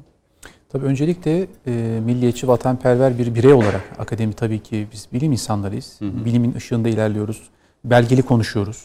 Ama öncelikle biz bir Türk vatandaşı, Türk milliyetçi, vatanperver evet. bir insanız. Evet. Çok şükür hepimizin ailesinde Kurtuluş Savaşı gazisi vardır, şehidi vardır. Yani şu var e, Cüneyt Bey, gerçekten bu memleketin tapusu şehitlerimize ait. Hı hı. Bu topraklarda milyonlarca kan döküldü. Sırf Türkiye Cumhuriyeti tarihi olarak bakmayalım buna. Türk tarihi olarak bakalım. Dolayısıyla bu vatan toprağını çok basit cümlelerle bir anda kapatamayız meselelerin üzerine. Yani tamam barış, tamam savaş olmasın, barış olsun, tamam herkes kardeş kardeşe geçinsin. Kimsenin bunda zaten bir e, şey yok, günah yok. Hepimizin kendi çevresinde gayrimüslim arkadaşları, dostları vardır. Farklı, farklı etnik e, şeylere mensup insanlar vardır. Farklı. Biz hiçbir zaman kendi ailem için bir ayrımcılık yaşamadık. Ama bunun demek ki özünde böyle bir problem yoksa bu dışarıdan ihraç edilen bir problem. Yani bugün bu topraklarda yaşayan rengi ne olursa olsun, dili ne olursa olsun, mezhebi ne olursa insanlar binlerce yıl yaşamışlarsa bundan sonra da yaşayacaklardır. Yaşayabilirler de. Ama dışarıdan ihraç edilen ithal, örgütsel ve terörist zihniyetli insanların buraya girerek işte Arap Lawrence'a örnek verdik değil mi? Ne yaptı? Hmm. Girdi Arap coğrafyasını karıştırdı. Osmanlı'ya karşı ayaklandırdı. Aynı şekilde bu topraklarda yine bu oyunların oynandığını görüyoruz. Ve bu sefer daha profesyonel, bu sefer daha enformasyon bilgileri yüksek. Bakın bugün dünyanın her yeri bir çatışma bölgesi oluyor. Ve bu kalıcı çatışma bölgesi olacak. Dünyanın her bölgesi bir cephe haline gelecek. Ve bugün enformasyonu kim yönetecek? Onun tartışmasını yapmamız lazım. Artık enformasyon çağı bitti. Bundan sonra bunu kim yönetecek? Hmm. Şimdi bunun üzerinden Türkiye Cumhuriyeti'nin yıllarca üzerinde durduğu işte Mustafa Kemal Atatürk de biliyorsunuz işte hocam çok güzel ifade Nurcan hocam da gitti Kürt e, liderlerle görüştü. İşte Şeyh Said isyanı vardır mesela. Hı hı hı. Tam Musul problemi çözüleceği sırada bir Şeyh Said isyanı patlatılarak Türkiye'nin bütün enerjisi o tarafa çekti. Ve İngiltere orada Musul'da Kerkük'ü bizden kopardı. Musul'da Kerkük bugün vatan toprağıdır. Türkiye Cumhuriyeti'nin topraklarıdır. Ama bir İngiliz oyunuyla elimizden kopartıldı. Aynı şekilde İngiltere'nin yılları o dönemde yaptığı bir Kürdistan operasyonu vardır. Türkiye'ye katılmak isteyen Kürt vatandaşlara karşı bir baskı, bir algı operasyonu yapılmıştır. Hı hı. Hem şiddet olarak şiddet hem de yumuşak güç kullanılarak. Şimdi Ertuğrul Hocam dediği gibi tabelayı cezalandırarak bir yere varamayız. Biz tabelayı cezalandırırız bir partiyi kapatarak. Ama bu suçu işleyenlerin cezası kesilirse o zaman arkadan gelecek gerçekten o bölgenin e, nabzını tutan, gerçekten o bölgeye yatırım götürecek, gerçekten o insanların sorunlarını bilen insanların önü açılmış olacak. Ben o konuda destekliyorum. İnşallah bu yolda ilerlenir. Ama bu, bu süreci devam eden isimlerle alakalı da görüyorsunuz siyaset sürekli. Avrupa, Avrupa Birliği İnsan Hakları Mahkemesi zaten işte Amerika. daha iyi bilir bunu. Orada da şu, Bu evet Osman Kavala, Demirtaş. Orada Osman Kavala, Demirtaş. Üstadım, Şimdi evet. orada da suç bizim. Niye biliyor musunuz? 5 yıl tutukluk diye bir şey olmaz. Hı. Cezasını keseceksin. Bir devlet 5 yılda bir delil topluyor mu, toplayamıyorsa vay bizim halimize. Yani evet. o topu onlara verirsen golü atar. Ya bu kadar basit. Tabii. Buyurun. Ve Özür dilerim. bir özellikle tarihi atıf verirsek biliyorsunuz Amerika Birleşik Devletleri Başkanı'nın Birinci Dünya Savaşı Wilson, Woodrow Wilson'ın bir 14 ilkesi vardır. O 14 ilkesi içerisinde de her ulusun kendi kaderini tayin etme hakkı. Var, Ve evet. o dönemde çok manidar iş Amerika'nın politikasını buradan anlayalım. O dönemde bunun ortaya konması belki çok gerçekten çok barışçıl, gerçekten çok insan haklarına uygun bir maddeler. Hı hı. Fakat içeriğine baktığımız zaman e, Türkiye Cumhuriyeti topraklarında büyük bağımsız bir Kürdistan, büyük bağımsız bir Ermenistan Hatta büyük bir İsrail. Büyük bir e zaten Suriye'de netice o. ona uymadılar. Rusya orada, Amerika orada, Fransa orada. Hani her milletin kendi geleceğini belirleme hakkı vardı. İşte hukuku yani. siz kendinize göre yorumlarsanız, Heh, işte demokrasi kaidelerini işte kendinize göre yorumlarsanız işte mesele bu. Şimdi Amerika Birleşik Devletleri imparatorsuz bir imparatorluk aslında. Yani uluslararası sisteme ben uymak zorunda değilim diyor. Ben kendim bir uluslararası sistemim diyor. Rusya da keza öyle. Şimdi ben Rusya ile işbirliği yapalım dersem Rusça olmak anlamına gelmeyecek. Rusya'nın da Türkiye üzerine çok büyük emelleri olmuştur. Osmanlı döneminden İstanbul ele geçirmek, tekrar haçı e, e, dikmek, Osmanlı tekrar döneminde en çok savaştığımız Ruslar yani. E neden? Sayamayız yani. Boğazları elde etmek tabii. ve kendini 3. Roma gören, Bizans gören Ruslar Hı-hı. ki bunu Katerina'da da görüyoruz, e, şeyde de görüyoruz, e, Romanovlarda da görüyoruz. Hı-hı. Hedef İstanbul ele geçirmek. Bu hedef bitmedi. Sıcak denizlere inmek. Ama Türkiye Cumhuriyeti Amerika'nın bu taarruzuna karşı kısa vadeli diplomatik koalisyonlarla engel olabilir bunlara. Şimdi biz Türkiye Cumhuriyeti'nin jeopolitik konuna baktığımız zaman bir tarafa ait olmak zorunda değil. Türkiye denge politikası gütmek zorunda. Ve bunu topumuzda tüfeğimizde değil. Artık o dönem bitti. Artık devletler cephe savaşları yapmayacaklardır. Hı hı. Amerika Birleşik Devletleri 2. Dünya Savaşı'ndan sonra askerlerin %25'ini kullanmış şimdiye kadar. Artık bilgi çağı, enformasyon çağı ve gerçekten dediği gibi hocamın da kamu diplomasisi. Yumuşak güç, zeki güç, smart power dediğimiz gücü kullanmak Siz şimdi zorundayız. anlatırken Furkan Hocam aklıma yarın geldi. Yarın biliyorsun NATO'nun yine kuruluş yıl dönümü. Tabii şimdi ondan diyorum ben. Yani bugün Avrupa Birliği ülkelerinden kaç tanesi NATO üyesi? Bunların artık Türkiye'ye bakış açıları aynı ve Biden dönemiyle zaten böyle olacak. Ama bizim bugün elimizde çok büyük bir koz var. Bugün Acı Amerika'nın müttefiklerinin silahları PKK'nın elinden çıkıyor. e şimdi en son, tırlar Garada, yo yo tırları hani tırları Evet, zaten evet. biliyoruz. Aleni görüyoruz Evet, onları ama Gara'daki mağarada bulunan silahlara baktığımızda NATO müttefiklerinin isimleri. Şimdi bu ne demek oluyor? Zbigniew Brezin- Brzezinski'nin bir biliyorsunuz çok özel bir kitabı vardır. Büyük Satranç Tahtası diye. O satranç tahtası Hazar Havzası, Türkiye, Mezopotamya, Kuzey Afrika'ya giden alandır. Kalkiyat dediğimiz alandır. Bugün Türkiye şöyle söyleyeyim Timur satrancını oynuyor. Şimdi nasıl söyleyeceğim bunu size? Normal satranç tahtası 8'e 8'dir. Timur satrancı 10'a 11'dir. Daha geniştir ve daha çok taş vardır. İşte Türkiye bugün o mavi vatan hem deniz sınırlarını aş, e, aşması Milli, ve misak Vatan. beraber artık Timur satrancı oynuyor. Dolayısıyla Kıbrıs'ın güvenliği Karabağ'ın güvenliğidir. Karabağ'ın güvenliği Suriye'nin güvenliğidir. Suriye'nin güvenliği Karadeniz'in güvenliğidir. Adalar Denizi'nin güvenliğidir. Zamanlamalara bakın. Türkiye-Ermenistan savaşı devam ederken Azerbaycan, Türk'ün savaşı ayırmıyoruz. Bir yandan Yunanistan Türkiye'ye taarruz yapıyor. Türkiye Adalar Denizi mücadelesini görürken bir yandan Ermeniler oradan tazik yapıyor. E iki tane devlet kurdurulmuş yapay. Biri Yunanistan, biri Ermenistan. Türkiye'nin başına musallat edilsin diye dönemde. Bir yapay daha kurulmak isteniyor. Şimdi bir yapay daha kukla devlet, bir terör devleti Suriye ve Kuzey'de e, Irak'ı da içine alan bir. Ve yine söylüyorum, Kıbrıs'ın güvenliği Nurcan Hocam bir şey mi? Buyurun. Süremiz de azalıyor böyle 11-12 dakikamız kaldı. Buyurun sizi duydum bir an. Şimdi e, tabii Furkan Hoca'nın e, belli tespitlerine katılıyorum. Onu bir eklemek isterim. E, zaten Bülent Bey ve Ertuğrul Beyler de çok yerinde tespitler yaptılar. E, Türkiye Devleti e, tahrik ediliyor. E, parti kapatması Siz ne diyorsunuz Nurcan Hocam? E, yani HDP kapatılsın benim mı bir, yoksa e, siyasilere mi hukuken ceza hayır. verilmeli? Hayır, hayır efendim. Hayır efendim. Ee, işte mesela e, neydi hanımın adı? Buldan Hanım ne demiş? Misafir ediyorlar, gönderecekler. O, o zaman şimdi bu hanıma bunun hesabı sorulması lazım. Hani misafir ediyorlardı, Hukuken sen çok mı? emindin. Demek sen Şöyle, görüşüyordun bu e, zatlarla. hukuken- Şimdi hesap ver demek lazım. Gerçi Ertuğrul Bey e, anlattı yani hani bu cümleyi ben kendisine sorduğum zaman. Şöyle- Hesap sorulmalı mı? Şimdi sorulmalı ama soramıyoruz. Niye soramıyoruz? Enis Berberoğlu kararında geçici 20. madde koyuyorsun. Diyorsun ki bu maddeyle birlikte dosyası sevk edilen kişilerin dosyaları sonuçlanmadan milletvekili iade edilmesin diyorsun. 83'ü işletme diyorsun.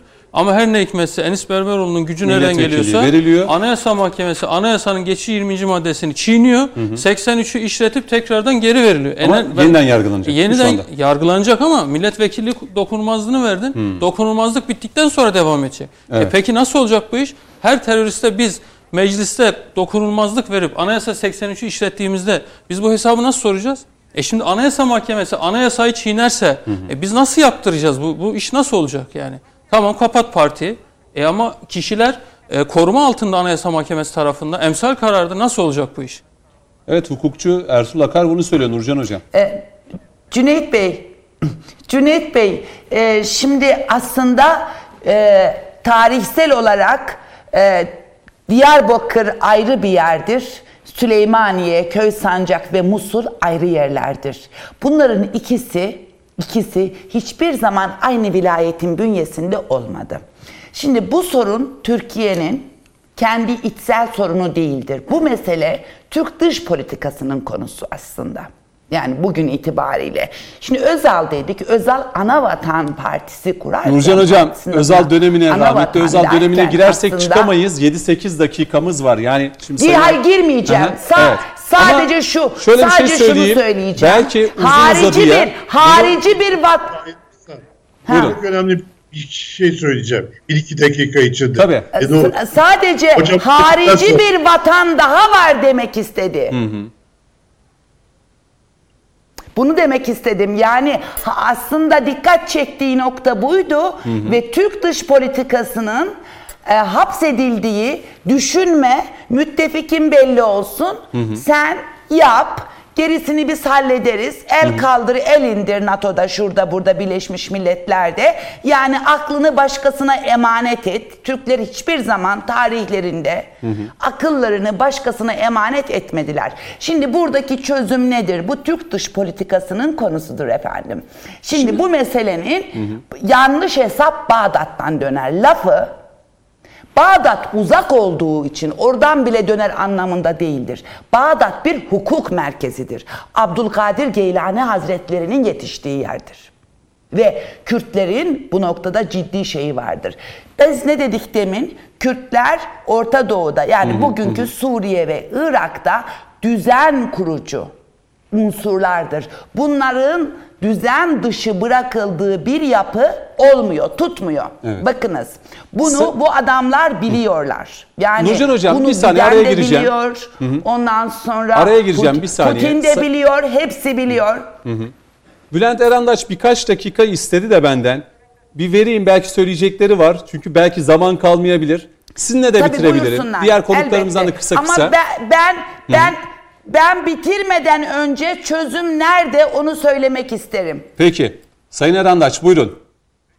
Ha, Cüneyt Bey, şimdi Furkan Bey'e de çok katkıda bulunacağı iki önemli konu var. Önümüzdeki dönemle ilgili. Bugün ve yarın NATO 2030 stratejisi tartışılıyor. Bu çok kritik.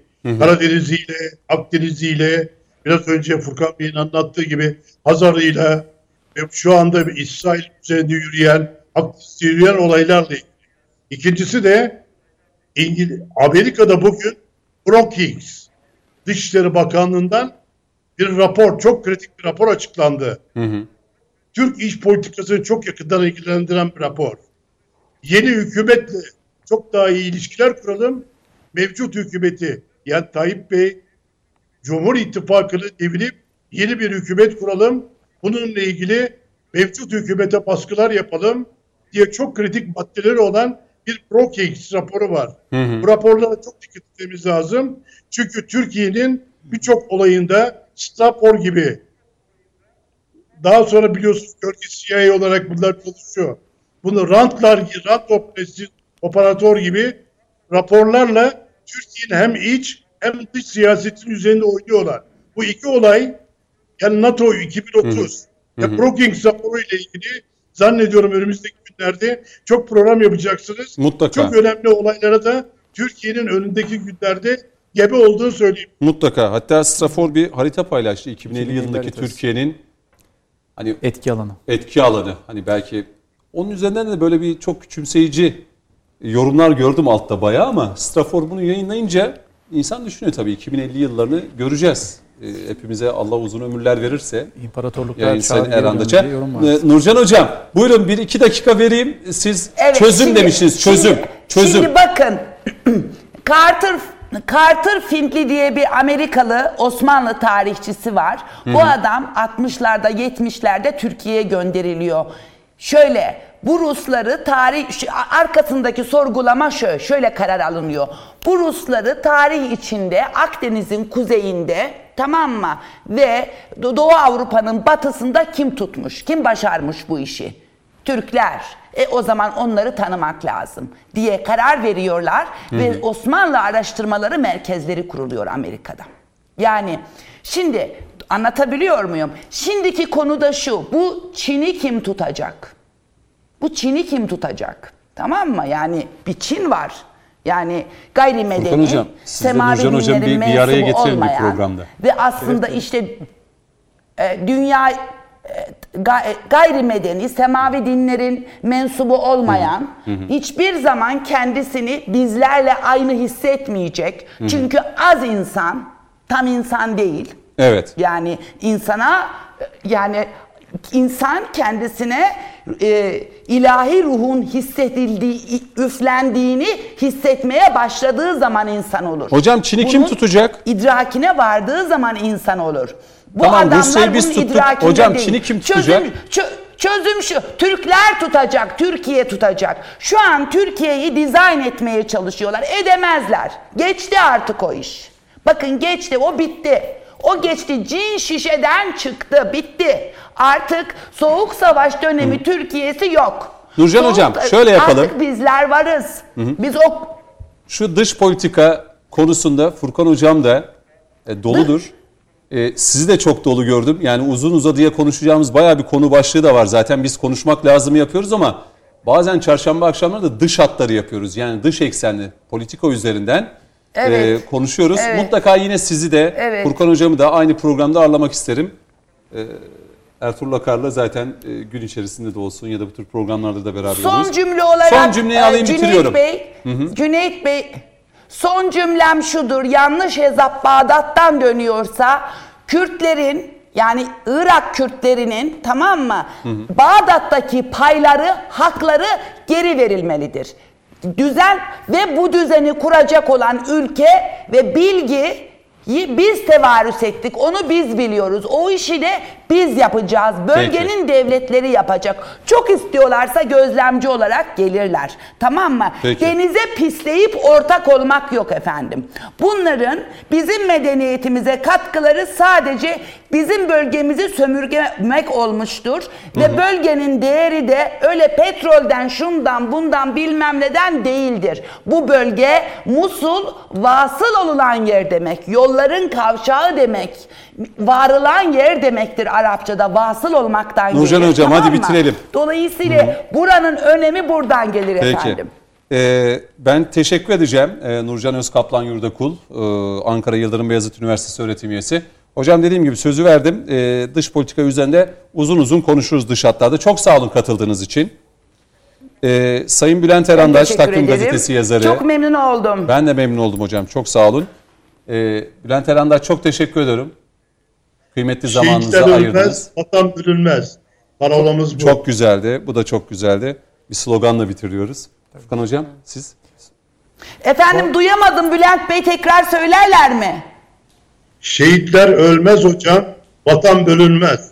Bence böyle bitirelim. Furkan hocam çok teşekkür ederim. Amenna. Teşekkür ederiz. Sağ olun. Ertuğrul Bey çok teşekkür, ederim. ederiz. Sağ olun. Konuşmak lazım da dört değerli konumla birlikte bu geceyi noktaya koyalım. Önümüzdeki hafta tekrar görüşmek dileğiyle efendim. Hoşçakalın.